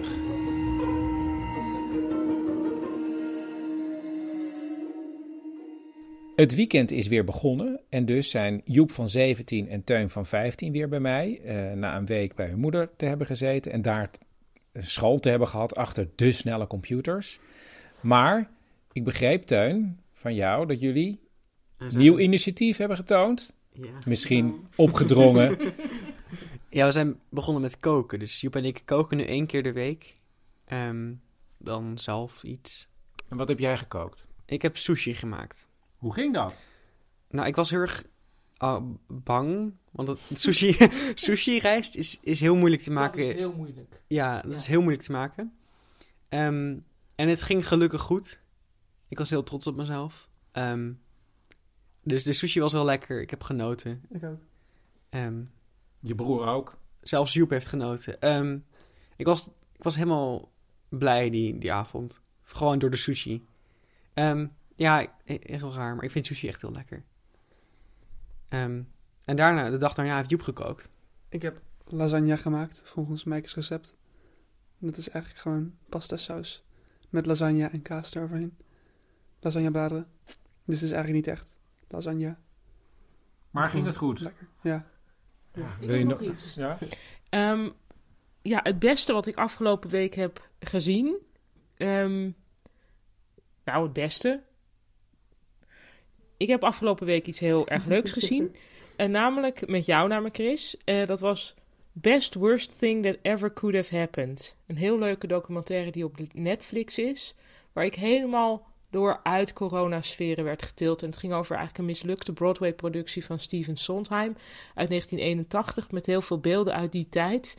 En ook hoe die mislukte, tussen aanhalingstekens, productie toch uiteindelijk veel later een succes werd. En dat vond ik heel hoopvol. Dat wou ik eigenlijk iedereen aanraden om dat even te gaan kijken. Ja, en wij werden ook op slag heel erg fan van Steven Sondheim.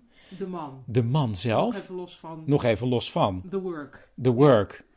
Eh, en ik belandde toen in een soort enorme vortex op, eh, op internet met Wikipedia. Maar echt een heel interessante man. Dus daar ga ik nog wel een keer een boek over lezen, denk ik. Maar we moeten ook aan deze uitzending beginnen. En eh, er is weer een verhaal van een luisteraar. Dus we gaan van start. Yay! Allemaal. Oké, bedankt. Op de voicemail van mijn programma stond Lotte met drie woorden. En die had eigenlijk een heel vers lockdown-verhaal. Namelijk een verhaal dat zich afspeelde afgelopen woensdag. Toen zat zij namelijk thuis met haar vriendin Lieke. En ze waren 500 dagen bij elkaar. Mijn vriendin en ik proberen overal een feestje van te maken. Dus we hadden bedacht dat we een jubileum hadden die dag. En s'avonds lekker zouden gaan eten en eh, dat soort dingen. En ik had ochtends nog een afspraak van mijn werk. En eh, toen die klaar was, zei mijn vriendin... hey, kan je even anderhalf uur weggaan? Ehm, en ik dacht, waarom moet ik weg? Want eh, we moeten thuis blijven. Ik kan, wa- waar ga ik heen anderhalf uur? Ze zei, ja, ja, ik heb een verrassing. Ik, eh, ga maar gewoon even weg. Dat is natuurlijk heel spannend. Maar Lotte ging gewoon anderhalf uur wandelen in de buurt. En ehm, ja, dus ik had mijn moeder nog gebeld. Ik zei, ze gaat vast een taart bakken. En daarna heb ik er helemaal niet meer over nagedacht. Ehm, tot ik weer thuis kwam. Ik kwam binnen en dan heb je daar een klein halletje. En daarachter is nog een halletje. Maar die deur naar het tweede halletje was dicht. En eh, het lag daar helemaal vol met ehm, ballonnen. En er hing een kaart op de deur. Van, eh, ik eh, hoop dat ik je nog mijn hele leven mag vervelen. En ik dacht, oké, wat schattig. Een beetje overdreven wel voor eh 500 dagen verkering. Ja, ik voel wel al iets aankomen. Dus ik ging door naar het volgende halletje. En daar hingen allemaal foto's van ons samen in slingers door de ruimte. Ja, en wat dacht Lotte? Beetje overdreven, dit. Niet echt nodig. Oké, en toen? Toen eh, was er een soort van ehm, snoer met lampjes door naar een volgende kamer. En ik had mijn vriendin nog steeds niet gezien. eh, dus ik dacht, nou ja, moet ik misschien maar volgen. Nou, nu ligt het er natuurlijk wel heel dik bovenop. Toen kwam ik daar en eh, daar stond ze. ehm, Ja, stond ze, stond ze. Daar stond Lieke in haar allermooiste kleren. Met op de achtergrond het heelal van jouw hart. Je lievelingsnummer. Nou, Lotte, wat dacht je toen? Ik dacht, oké, Oké. En wat deed Lieke toen? Zei ze, kom even hier. En eh, pakte ze mijn handen vast en begon ze een heel verhaal over onze liefde. En dat ze het wist vanaf heel erg in het begin dat dit gewoon heel goed voelde. En dat het zo moest zijn. En eh, Ja. En toen dacht je, ik dacht nog steeds, oké.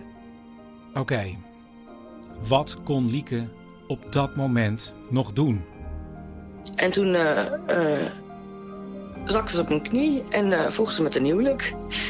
En toen? En toen dacht ik, hé, hey, volgens mij word ik ten huwelijk gevraagd. Hè? Ik heb er alleen maar aangestaard en eh, een paar keer gevraagd of ze het wel meende. Maar ging je toen huilen of, eh, of niet? Nee, ik, ik had mijn hele leven bedacht, als dit moment er is, ga ik vast heel hard huilen, want zo'n persoon ben ik. Maar eh, dat gebeurde niet. Ik was gewoon echt helemaal verbaasd. Maar toen ging Lotte bellen met haar ouders en bleek dat haar vrienden al twee maanden wisten dat dit eraan zat te komen. Want eigenlijk zou er buiten een speurtocht hebben plaatsgevonden afgelopen zondag. Maar toen moest Lieke iets anders verzinnen. En toen hebben onder andere vriendinnen van het koor allemaal losse stemmen opgenomen en dit liedje gezongen. Ja, en toen, Toen kwam er even een traan. gelukkig. Ja.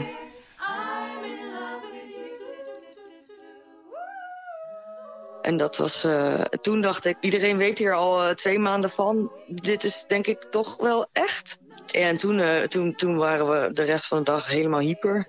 Nou ja, van harte gefeliciteerd Lotte. Ja, dankjewel. Ik ben verloofd opeens, ja.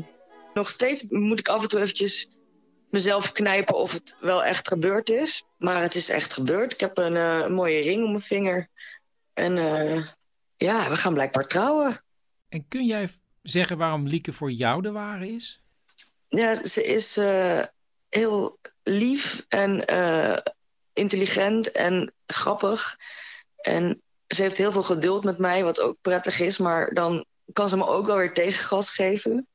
Eh, en ik dacht, misschien met die isolatie is de hele tijd op elkaars lip, maar het wordt alleen maar fijner. Oh, maar dat is goed. Ja, had ik ook niet verwacht. Jullie worden dus niet nu gek van elkaar. Nee, we worden helemaal niet gek van elkaar. Eh, als, ik, als zij eh, twee uur eh, vergadering heeft, dan, dan mis ik er daarna al. En dat is, ja, dat is heel gek. Dan zit, zit in een andere kamer te vergaderen en dan mis je Ja. haar. En dan tussendoor gaan we eventjes langs bij elkaar even op bezoek. En nou ja, gister, eergisteravond waren we een beetje moe van alle indrukken die hele dag. Zijn we vroeg gaan slapen. Maar gisteravond dachten we, we moeten het nog vieren. Dus we hebben met z'n tweeën gedanst tot eh, twee uur vannacht. Ehm, in de woonkamer. En dat is ook gewoon heel leuk. Het is gewoon genoeg met z'n tweeën. Ik wil altijd blijven dansen, lief. Dansen zolang ik leef. Ik wil altijd met je vrijen, lief. Totdat ik zweef. Langs de allerhoogste sterren. In het achterste heelal. Dan verlang ik naar de val. Uit de elte, door de dampkring, door de wolken, door jouw dak. Door jouw huid, door het blauw. Door het rood, dan door het zwart. Ik wil wonen op een ster in het heelal van jouw hart. Op de allerkleinste ster. In het heelal van jouw hart. Bert? Chris, waarom loop jij mijn initiatieven niet meer eh, te sharen? Ja, nou, ik heb het heel erg druk. eh, en ik krijg heel veel mails, hè? Met allemaal initiatieven van allemaal mensen. Ja, ik loop over, Chris, van de goede geit. Maar ik heb geen miljoenen publiek zoals jij om het zomaar mee te kunnen delen. Ja, miljoenen. eh, Maar Bert, op zich, het is heel goed. Je zit vol energie en je hebt gewoon ideeën. Dat is heel goed. Ja, heel veel ideeën. Te veel? Nou, ik ben aan het schrappen. Zoals, wat was het ook alweer? De, de, de, wat probeerde je nou ook alweer? De frisbee-pannenkoek voor de zorgcentra. Ja, Wat heb je toch gedaan? Dat was, mijn, dat was mijn idee om vrolijke gekleurde pannenkoeken door open raam van zorgcentra te gooien voor, hè, voor de eenzame oudjes. Ja, eenzame oudjes klinkt ook weer Ja, zo- maar dat blijkt in de praktijk ontzettend moeilijk. Ik bedoel, ehm, pannenkoeken willen helemaal niet vliegen. En, Ja, eh, dat zag ik. Maar goed, Steve Jobs had in 1977 ook nog geen iPhone uitgevonden. Ik geloof dat ik die vergelijking niet helemaal begrijp. Nou, ik ga nu dus vol voor één enkel initiatief. Oh, eh, wordt het dan, wacht even, wat was het? Eh, een knuffel van mij voor jou.nl. Nee, want die bejaardenhuizen die willen helemaal geen oude knuffels van kinderen. Die kunnen besmet zijn. Hè? Dus ik zit nu met een garage vol met knuffels die ik vanmiddag naar de stort ga rijden. Oh. Maar goed, dat zijn de risico's van het vak. Van het vak? Ja, en ik laat die oudjes ook eventjes helemaal los, denk ik. eh. Wat ga je doen dan? Ja, nou, ik ga nu bij deze, let op, als eerste Koningsdag claimen voor een nationaal initiatief. Dus Koningsdag is voor mij. Oké, hij is voor jou. Dank je. En hier komt mijn idee. Listen, hashtag sing for the king. Hashtag sing for the king. Ja, ik blijf wel even hangen, hè? Nou, leg uit. Nou, wacht. Ik, eh, ik pak even een briefje erbij. Wacht even. Hier heb ik het. Eh, alle Nederlanders gaan het Wilhelmus als een keten van nationale trots door het land laten klinken. Van het topje van Groningen tot ver in de laars van Limburg. De laars van Limburg, maar Italië heeft een la Iedereen laars. zingt één woord van het volkslied waarop de ander op gepaste afstand het lied overneemt en het volgende woord zingt. Enzovoort, enzovoort. En dan beginnen we dus in Groningen en dan trekken we in 24 uur alle provincies door. Maar zijn nou alle Nederlanders, Bert? Ja, Dat is toch praktisch onhaalbaar? onhaalbaar. 99% van de mensen houdt anderhalve meter afstand, Chris. Er is saamhorigheid. 99%. Ja, maar even logistiek, hè, qua mensen. Hoe komt dat Wilhelmus die hele lege Noordoostpolder door, bijvoorbeeld? Ik kom uit de Noordoostpolder, Chris. Ja, dat- Daar wonen ook heus wel mensen, hoor. Ja, maar niet heel veel. En eh, bovendien, jij woont er ook al niet meer, toch, Bert? Eh, nee, dat is waar. Nou, Bert. Dus? Het gaat niet lukken. Nee, dat gaat niet lukken.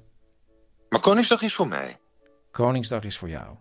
Hè, die is bij deze dus nog steeds eh, officieel geclaimd. Nou, officieel. Bij deze. En misschien wordt het gewoon iets met, eh met oranjekoek en saamhorigheid. Weet je wel, bakkers blijven ook altijd open. Je kunnen Bert. ehm, cupcakes maken via Bert. Skype, weet Bert. ik veel. Bert. Ja? Ik krijg een wisselgesprek binnen. Oh, die moet je opnemen. Kan heel belangrijk zijn. Succes. Gaat lukken.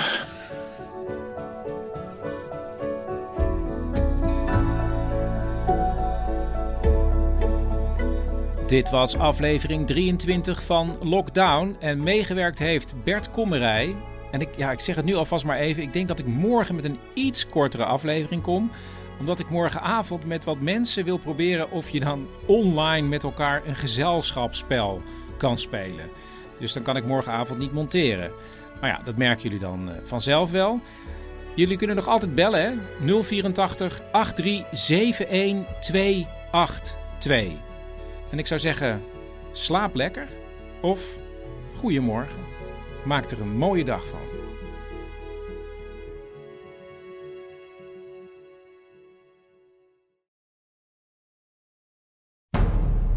Man met de microfoon presenteert Lockdown. Een programma waarin we samen toewerken naar 1 juni. Dit is aflevering 24.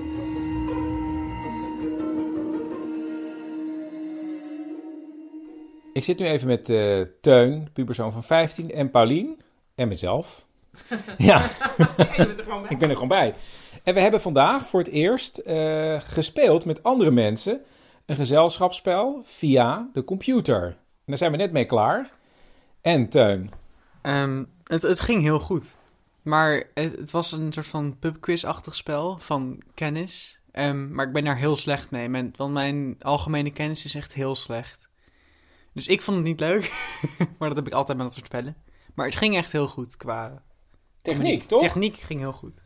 Ik vond het heel fijn. Ik had echt een heel vrolijke avond hierdoor. Eigenlijk zoals het ook was geweest als we met elkaar hadden gezeten. Dat had ik wel nog leuker gevonden, maar ik was nu echt, ik zat nu echt even, was niet met mijn werk bezig bijvoorbeeld. Ja, ik vond het eigenlijk veel leuker dan ik had gedacht. Want in het begin zaten we heel erg een beetje nog te stoeien met verbindingen. We hebben Zoom geprobeerd. Het lukte allemaal niet. Dus hebben we uiteindelijk FaceTime gedaan. En het ging eigenlijk heel erg goed. En we hadden een goede quizleider, eh, Daniel. Dus dit is zeker voor herhaling vatbaar. En we hebben bijna al volgens mij alweer een nieuwe afspraak gemaakt. Ja, we gaan dit zeker nog een keer doen. Dat was heel leuk. Ja. Nou, dan gaan we nu aan de uitzending beginnen. En dat is omdat het een weekend was en omdat we een spelletje vanavond hebben gedaan. Een wat kortere aflevering. Maar we beginnen natuurlijk met een van onze lievelingsrubrieken. Een beetje van Wiek. Ik ga even vandaag lievelingscijfers van mij zeggen. Oh, heel goed. En lievelingsgetallen.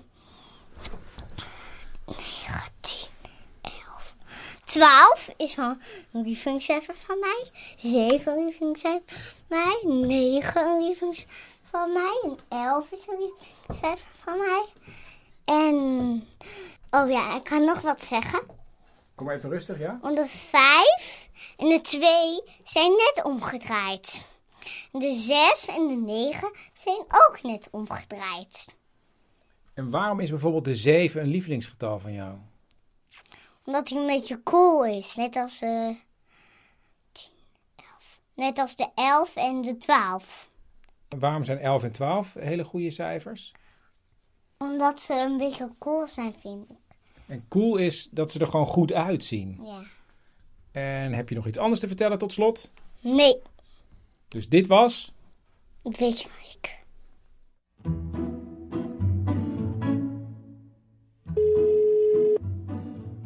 Ja, Chris, de koffie is ingeschonken. Heel goed. Je zit er helemaal klaar voor. Ik zit er helemaal klaar voor. Dit is Albertine Duin en zij heeft op mijn speciaal geopende telefoonnummer drie woorden achtergelaten van een lockdown-verhaal. En bij haar drie woorden dacht ik, ja, ik bel er terug. En dit is haar verhaal. Het was oktober, ik denk 15 of 14 oktober 1975. En eh, toen was eh, ons oudste kind uitgerekend. Die zou komen. Nou, je weet wat het is. Hè? Als je je eerste kind krijgt, dan eh, is het allerbelangrijkste van het hele leven. Dus en je zit van tevoren zit je al te wachten van, goh, het zou nu ook kunnen komen. Dus die uitgerekende datum, dat is een soort eh mythische dag. En ehm, we woonden toen in Leiden. want mijn man die was aan het promoveren. Die was wel al afgestudeerd. En wij waren een van de eerste mensen die kind kregen. En eh, de dag dat ik dus uitgerekend was, eh, studeerde er een, nou, het was niet eens een vriend, een goede kennis af. En toen zei mijn man, die zei, nou, ik ga even een uurtje daar naartoe. Ik zei, ja, eh, misschien komt ons kind wel vanavond een beetje gek. En. Nee, maar ik ben echt zo weer terug. Nee, Ik ga gewoon even goeiedag zeggen, even feliciteren. Nou, dus ik bleef thuis. En het werd later en later. En ehm, nou, om twaalf uur dacht ik van ja, ik moet vannacht gaan bevallen. Dus ik ga maar eens naar bed, want dan ben ik weer. Maar ik werd ook kwaaier en kwaaier natuurlijk. Tot verdorie, als die zo'n vader is. eh, nou, dat belooft niet veel goed voor de toekomst.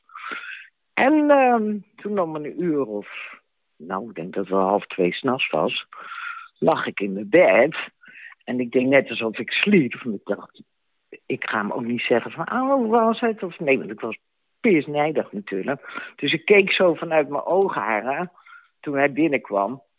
En ehm, nou, stond hij te wankelen. En eh, hij viel op de grond toen hij zijn onderbroek uitdeed.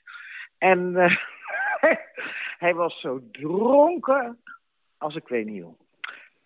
Nou, denk je toch van, wat is dit voor onverantwoordelijk gedrag? Wat bleek nou? Hij was naar het café gegaan, hè, waar die eh, kennis, zal ik maar zeggen, afstudeerde. En daar was een feest en toen, eh, nou ja, op een borrel. En toen had, eh, had hij gezegd ja, ik kan niet zo lang blijven, want mijn vrouw is uitgerekend. Hé, burger! Lul! Jeetje, min. Nou, eigenlijk is het helemaal niet zo'n leuk verhaal, want het is net als pest op school. En toen hebben ze hem opgesloten in de wc. En daar stond het bier.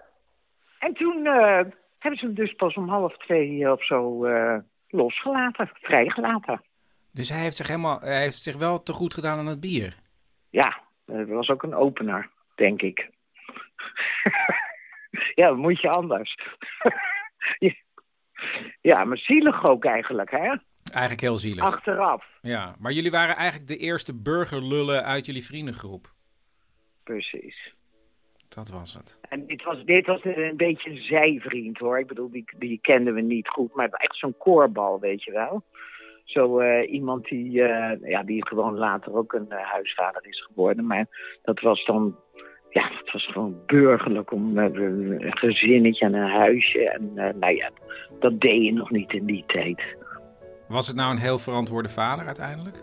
Ja, een schat van de man. En een schat van de vader ook, ja, tuurlijk.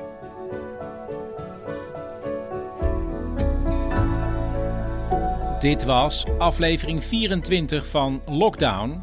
Als je nou zelf een uh, lockdown verhaal hebt, ben je ooit ingesloten geweest of opgesloten of misschien buitengesloten? Uh, bel je verhaal dan door in drie woorden naar het volgende nummer 084 83 71 282. En aan de hand van die drie woorden kan ik misschien denken: hé, hey, maar daar ga ik even op terugbellen. En dan bel ik je op. En uh, nou, we zijn er weer doorheen. Ik zou zeggen, slaap lekker. Of, goedemorgen, maak er een mooie dag van.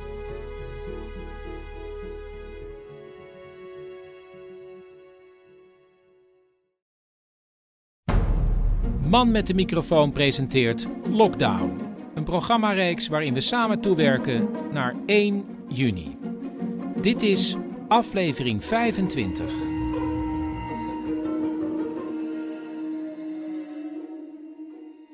Daan Vreugdehil vertelde in aflevering 11 van Lockdown een spannend verhaal over hoe hij een keer in een storm verzeild raakte op een schip in de buurt van Antarctica.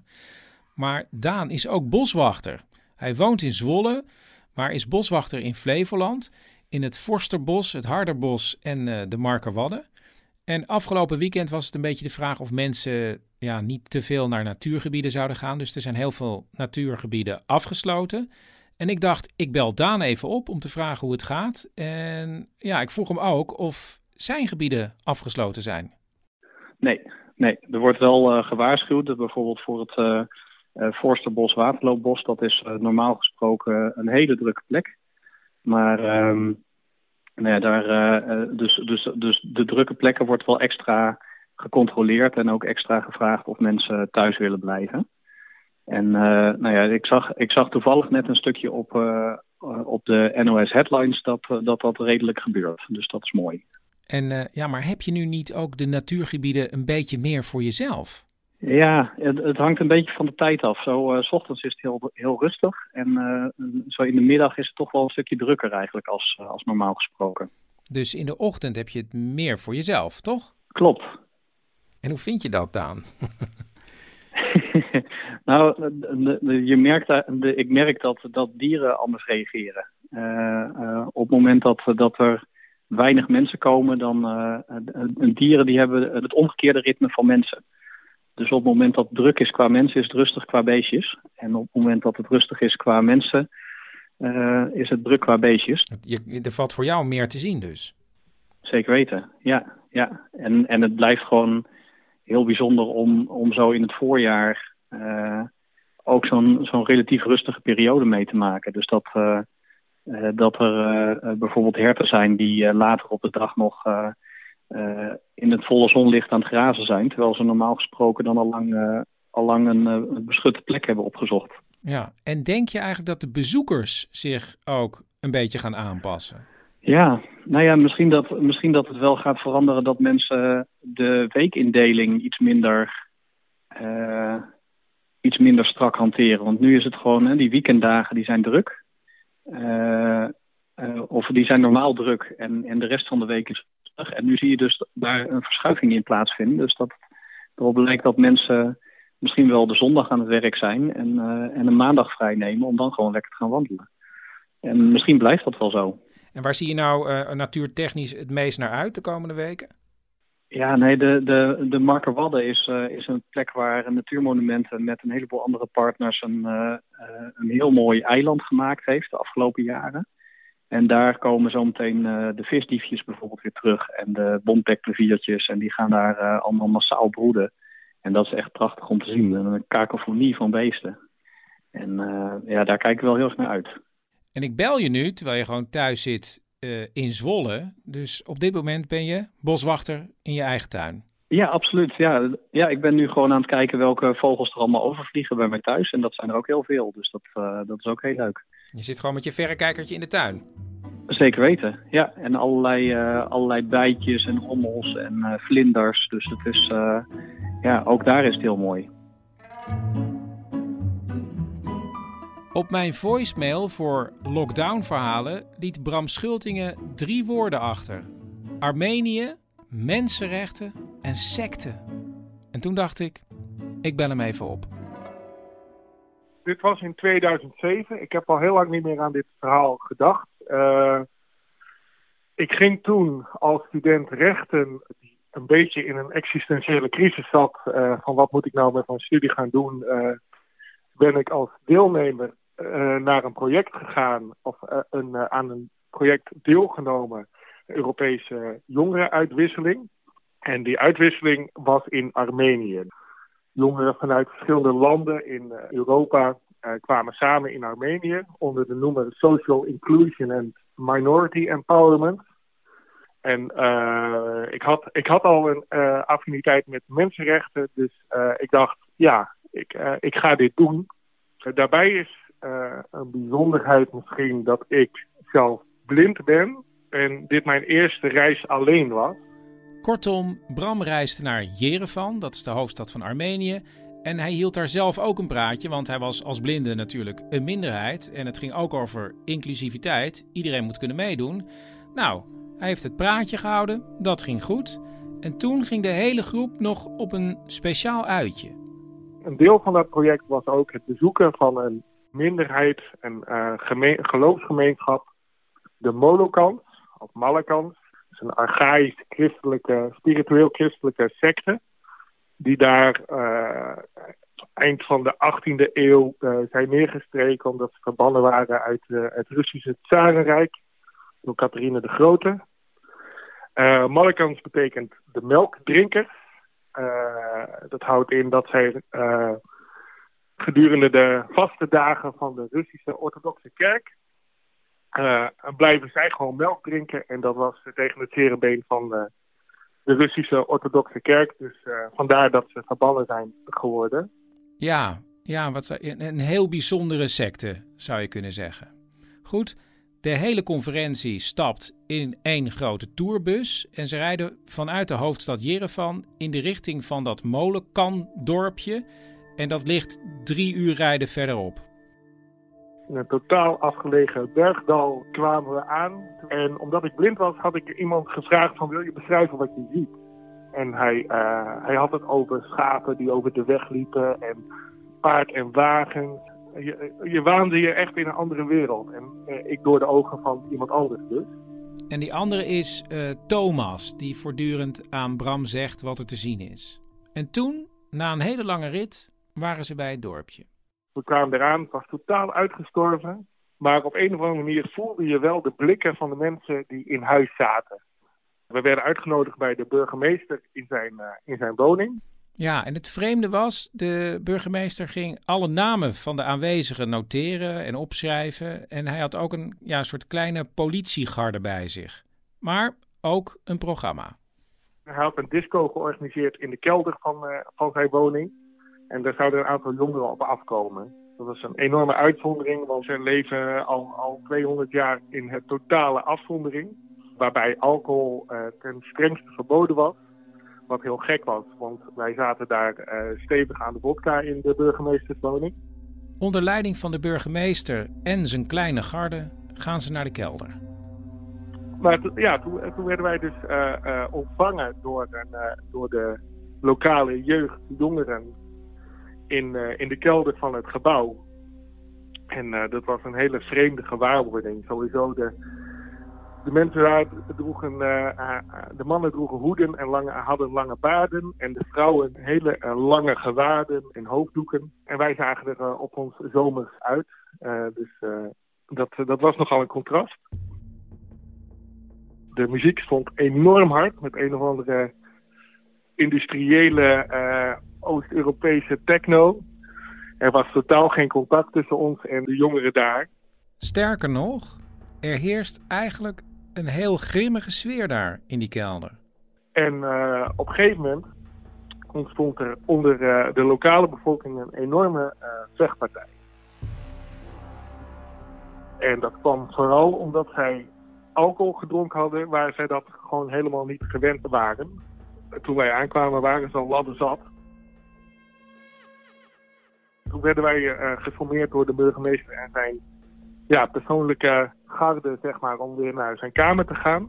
En dus gaat iedereen om veiligheidsredenen weer van de kelder naar boven.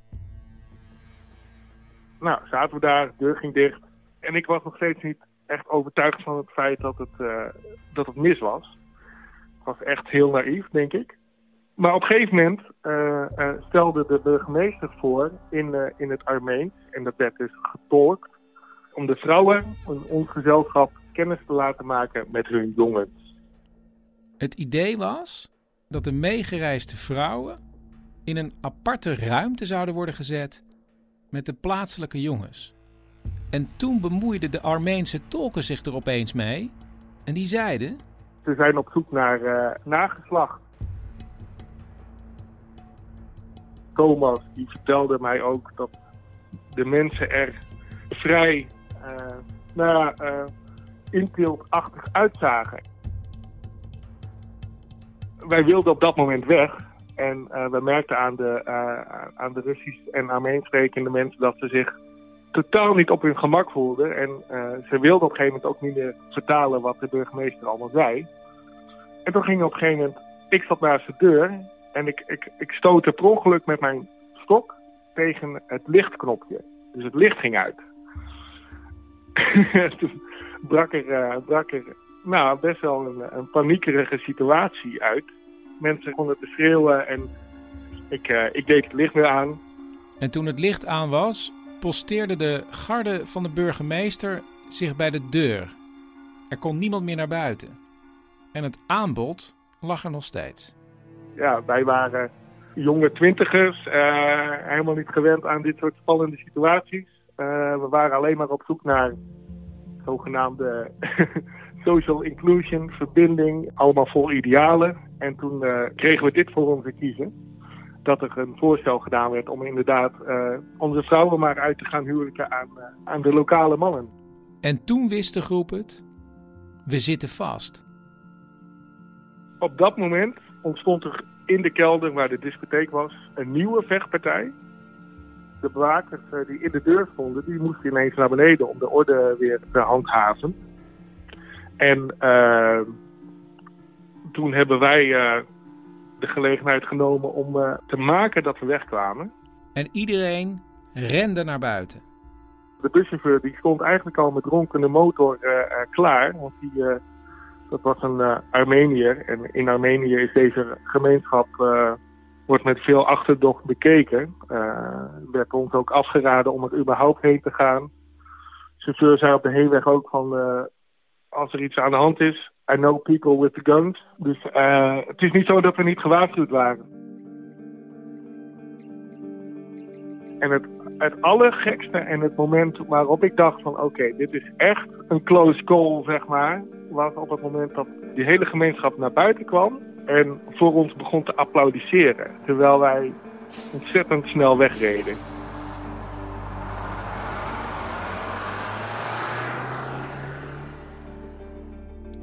Wat een raar dat ze gingen applaudisseren. Waarom zouden ze gaan applaudisseren? Volgens mij heeft de burgemeester dit bevolen om, uh, om toch nog een soort van uh, harmonieuze aftocht uh, te organiseren. En hij probeerde het nog te redden met een applausje. Ja, ja, inderdaad.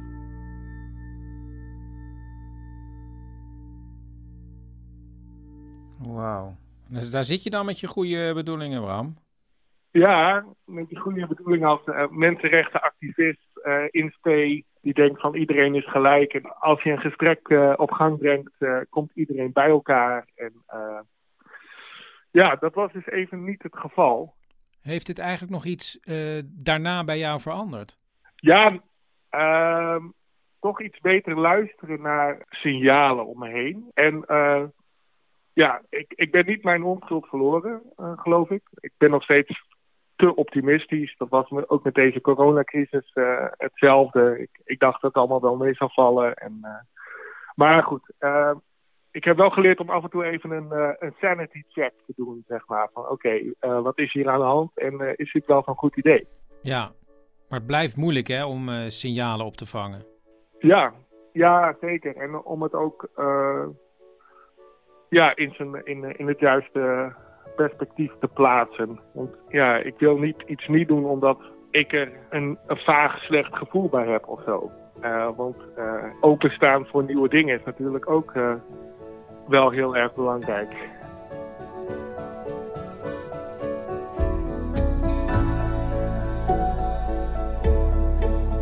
Dit was aflevering 25 van Lockdown.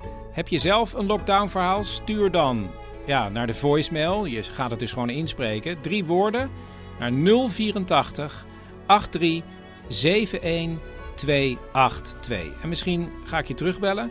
Ik zou ook zeggen, ja, verspreid het nog steeds even via de sociale media. Laat sterretjes achter in de iTunes Store. Je kunt me ook altijd mailen. Man met de microfoon at gmail.com. Voor zometeen, slaap lekker of goedemorgen. Maak er een mooie dag van.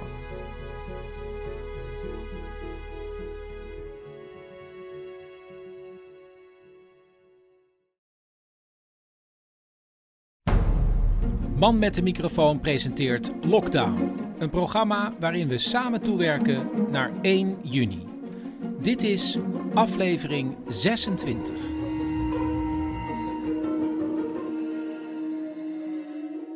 Paulien, het was voor jou een bijzondere dag vandaag. Ja, want eh, er is een soort vooruitzending gekomen van mijn nieuwe boek, Japan in 100 kleine stukjes. Dat is dus officieel, is dat pas over, komt dat als, pas over twee weken of zo in de handel. Maar ik heb nu al een aantal dozen hier. Een aantal? 40 of zo. 40 kleine doosjes. Nou ja, toch? Eh, ja, en die ga ik, eh, al die boeken ga ik signeren. Want normaal doe je als schrijver signeersessies in boekhandels. En dat kan nu natuurlijk niet. Dus nu doe ik dat hier en dan brengen we die boeken naar de boekhandels. En de boekhandels sturen die boeken dan op naar hun trouwe, trouwe klanten.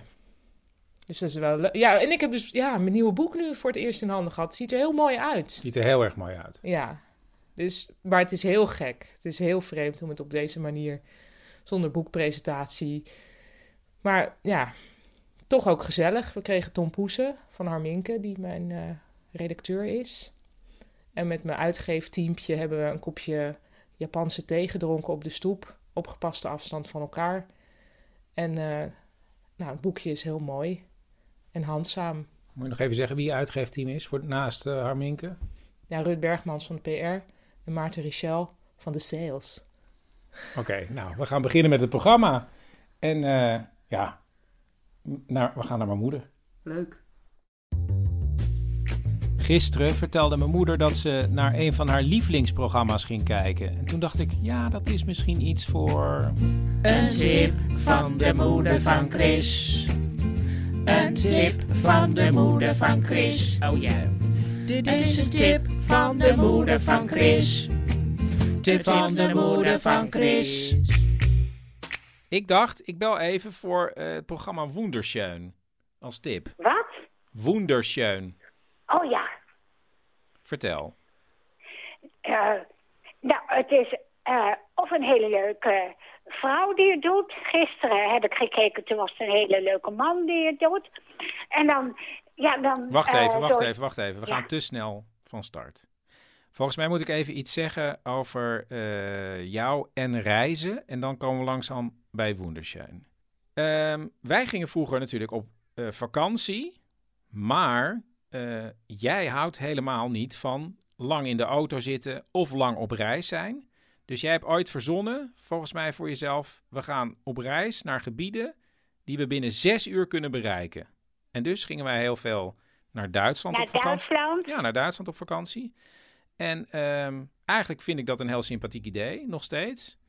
Want ja, waarom zou je heel ver wegreizen als het ook dichtbij kan? Toch? We hebben hele leuke vakanties gehad. Ja, ja, dat vond ik ook altijd van, uh, want dan hoorde ik, nou, we zijn helemaal naar Spanje geweest en we hebben aan zo'n leuk strandje gezeten. En dan dacht ik, oh goh, we hebben aan de...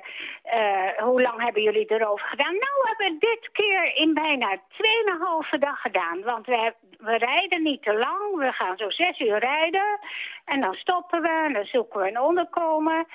Nou, toen dacht ik, ja, zo doe ik het ook, zes uur. Maar dan wil ik meteen op mijn eh, bestemming zijn. Dus het wordt, want ik dacht, een strandje heb je ook aan de Meunenzee. En dan is het net zo mooi, dan kan je net zo mooi kijken. En dan kijk je ook naar die leuke dorpjes. Ja, dat had ik altijd zo van, ach mensen, jullie jakkeren maar weg. Maar als je vlak in de buurt eh, kijkt, is het ook zo mooi. En nu hoop ik dat jullie als luisteraar denken: ah, daar heeft Chris het van. Want ik wil eigenlijk voor mijn werk ook helemaal niet ver reizen. En daarom zoek ik het vooral in mijn eigen buurt. En vroeger, toen ik student was, belde mijn moeder wel eens op. En dan zei ze: Chris, ik heb nou een tv-programma gezien over Marrakesh. Nou, daar hoef ik nu niet meer naartoe. Nou, dat, dat is echt zo. Er waren dus allemaal van die reisprogramma's. Die waren er wel. Ik weet echt niet meer hoe die eh, wer- werden genoemd. Maar inderdaad, dan gingen ze bij- bijvoorbeeld naar eh, Istanbul of naar Marrakesh. En, eh, en echt leuk, hè? Want dan namen ze echt de highlights.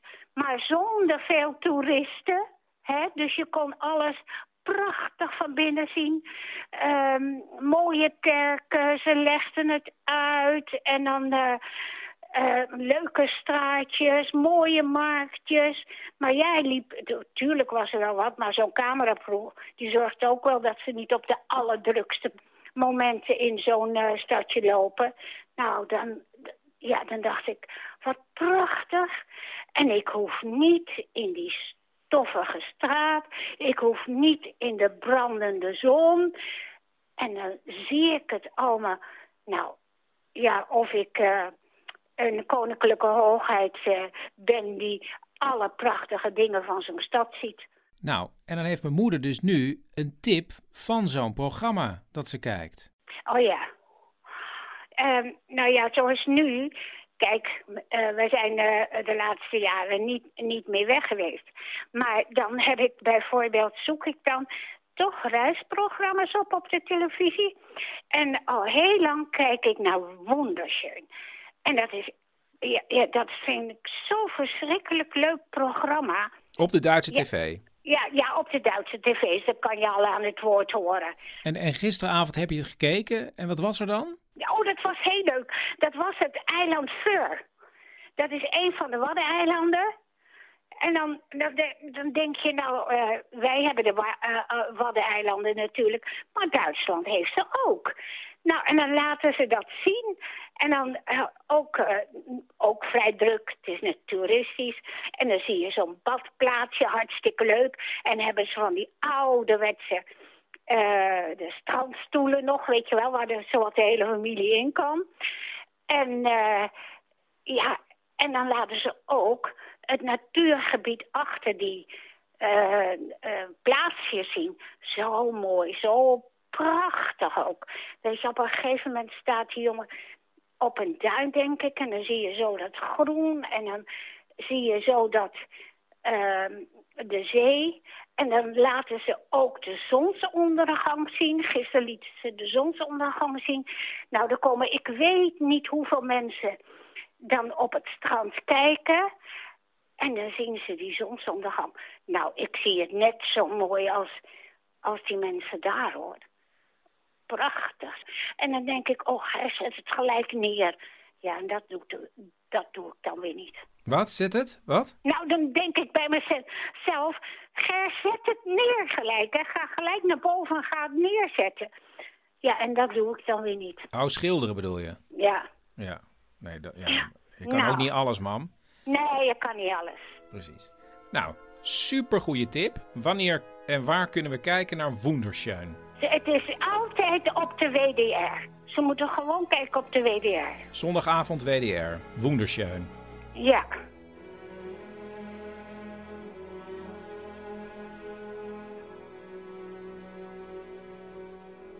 Op mijn voicemail stonden drie woorden van Stefan van Wieringen. En één was Harold Lloyd. En nu ben ik zelf grote stomme film-fan, dus ik dacht, ik bel hem op. Het was eh, rond 2000. Eh, toen was ik met een vriendin, waren we naar een feest in de stad. En eh, we komen terug van het feest en we lopen via het Domplein. En daar was een, een steiger gebouwd. Was tijdens Panorama 2000 was er eigenlijk een steiger gebouwd langs de Domtoren. En daaromheen waren een soort van houten ja, platen gemaakt. Maar één plaat die ontbrak. Dus daar konden we tussendoor naar die stijger toe. Uh, en toen dachten we, oh, wat zou het misschien wel leuk zijn om uh, hierin te klimmen. Dus uh, toen zijn we in, in, de binnenkant van de stijger eigenlijk omhoog geklommen. omhoog, naar boven. Ze klimmen hoger en hoger, minutenlang. En op een gegeven moment zijn ze ter hoogte van de klok. En toen in één keer dacht ik, oh, aan die film van Harold Lloyd. Zo'n stomme film waarbij Harold Lloyd dan aan zo'n wijzer van zo'n klok hangt. Ik denk, ja, dat kan ik toch niet laten liggen om dan nu uh, even naar die klok toe te schuiven. En Stefan schuift over een dwarsbalk naar de klok.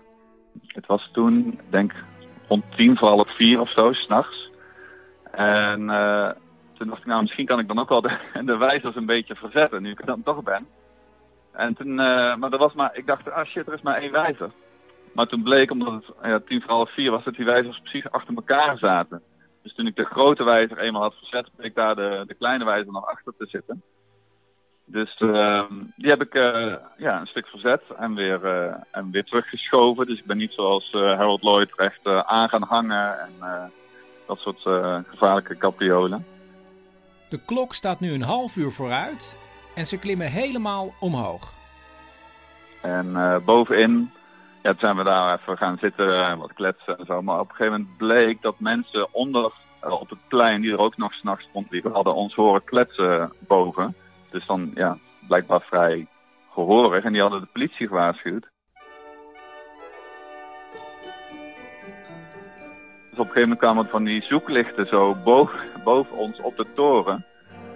En uh, met zo'n megafoon werd er omgeroepen van, uh, ja, uh, kom, kom eruit, kom naar beneden. Dus toen dachten hey, weet je, nu zijn we erbij, krijgen we dit. Want zij, die vriendin van mij, die kreeg het boven benauwd. Die zei, oh, dit gaat heel veel geld kosten, weet je, je krijgt een boete voor en ik heb, ik heb gewoon weinig geld en zo. Zei ik, weet je wat, ik ga wel naar beneden, ik kijk wel of we er beneden uit kunnen. En hij ging dus door de toren naar beneden. En, Stefan? Je ziet echt helemaal niks, het is echt pikken donker daar. Maar goed, een half uur later kwam ik beneden. Maar ja, al die raampjes die daar beneden in die toren zitten en zo, daar zitten allemaal tralies voor. Dus ja, je kan er met geen mogelijkheid in of uit. Dus toen ging ik weer helemaal naar, naar boven. En toen zei ik tegen haar, ja, weet je, er zit niks anders op. We moeten gewoon maar uh, ons aangeven. Dus toen riepen we naar beneden, ja, oké, okay, we komen eraan. En toen wilden we via de stijger weer naar beneden klimmen. Maar toen riepen ze van, ja, niet doen, niet doen. Uh, weet je, je mag niet via de stijger naar beneden, want dat is veel te gevaarlijk. En dus lopen ze weer in het pikkendonker een half uur door de toren naar beneden. Ja, de deuren waren nog dicht van de domtoren, maar dan heb je wel van die zware deuren met zo'n uh, van die kleine kijkluikjes eigenlijk. Dus toen we die openmaakten stond, stond daar de politie al aan, uh, hoe heet het, aan de andere kant met, uh, met zijn busje. Het busje stond al open om, om ons mee te nemen. Maar er was geen sleutel. Ze wisten ook niet hoe ze aan de sleutel moesten komen. Dus ja, de vraag was hoe konden ze ons daar nou uitkrijgen? Er werd gezocht naar de sleutel. Ja, dat duurde. En dat duurde maar. En uh, intussen ja, hadden die politieagenten er ook al een beetje genoeg van. En uh, die vriendin van mij, die, zei, uh, die begon al van ja, wij zijn klimmers. En ja, het was een stom idee. Maar we dachten, ja, misschien is het wel leuk. En dus die begon meteen een heel verhaal te houden tegen die agenten. En ik dacht, oh ja, dat is wel goed wat zij nu doet. En op een gegeven moment zei de politie ook van, ja, het is niet zo'n goed plan dit, hè. Dat, en daarna zei ze nog een keer, ja, dat moet je eigenlijk niet meer doen, dit soort dingen. En toen dacht ik al, oh, misschien komen we hier gewoon wel mee weg. Dus op een gegeven moment was het ook gezellig. En zij werden ook een beetje melig, want ja, ze hadden op een gegeven moment ook wel door dat wij ja, een beetje onschuldige klimmers waren. Of ja, dat hadden we gezegd dan. En ze dachten, nou ja, god, het, uh, het zal allemaal wel. Laten we die, die mensen maar uit die toren krijgen. En uh, dus ik denk na een half uur of drie kwartier hadden ze de sleutel ja, midden in de nacht ergens vandaan gehaald. En toen uh, deed ze de deur open en die vriendin van mij was echt in een jurk en avondkleding. Dus toen keken ze helemaal zo van, ja, hoezo ervaren klimmers, weet je? Wat is, wat is dit? En uh, nou, hebben we nog even staan kletsen met ze. En uh, inderdaad, nou ja, nog even zo'n zo'n waarschuwing hè, voor de vorm kregen we. En toen hebben ze ons eigenlijk laten lopen. Maar ze zijn nog wel, terwijl ik naar huis liep, want ik woon ook in het centrum, zijn ze nog wel met de auto ons nog een beetje gevolgd. Zo op afstand. Alsof we niet andere gekke dingen nog uh, gingen doen. En um, het grappige was, dat, dat was op zaterdag denk ik.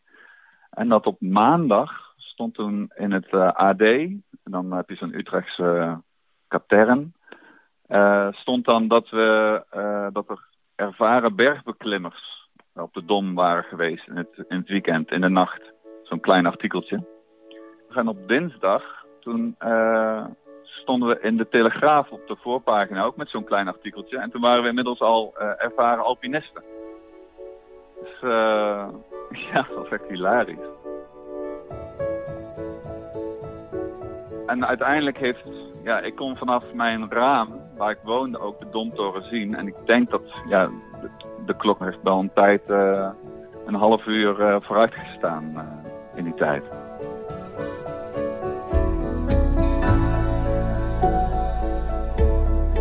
Dit was aflevering 26 van Lockdown. Mocht je een eigen lockdown verhaal hebben, dan kun je bellen naar 084 83 71 282. Dit staat ook gewoon trouwens in mijn show notes.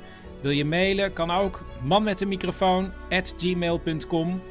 En um, ja, volgens mij, ja, ik zou, ja, verspreid het. Vertel het aan een vriend bijvoorbeeld. Of aan een familielid.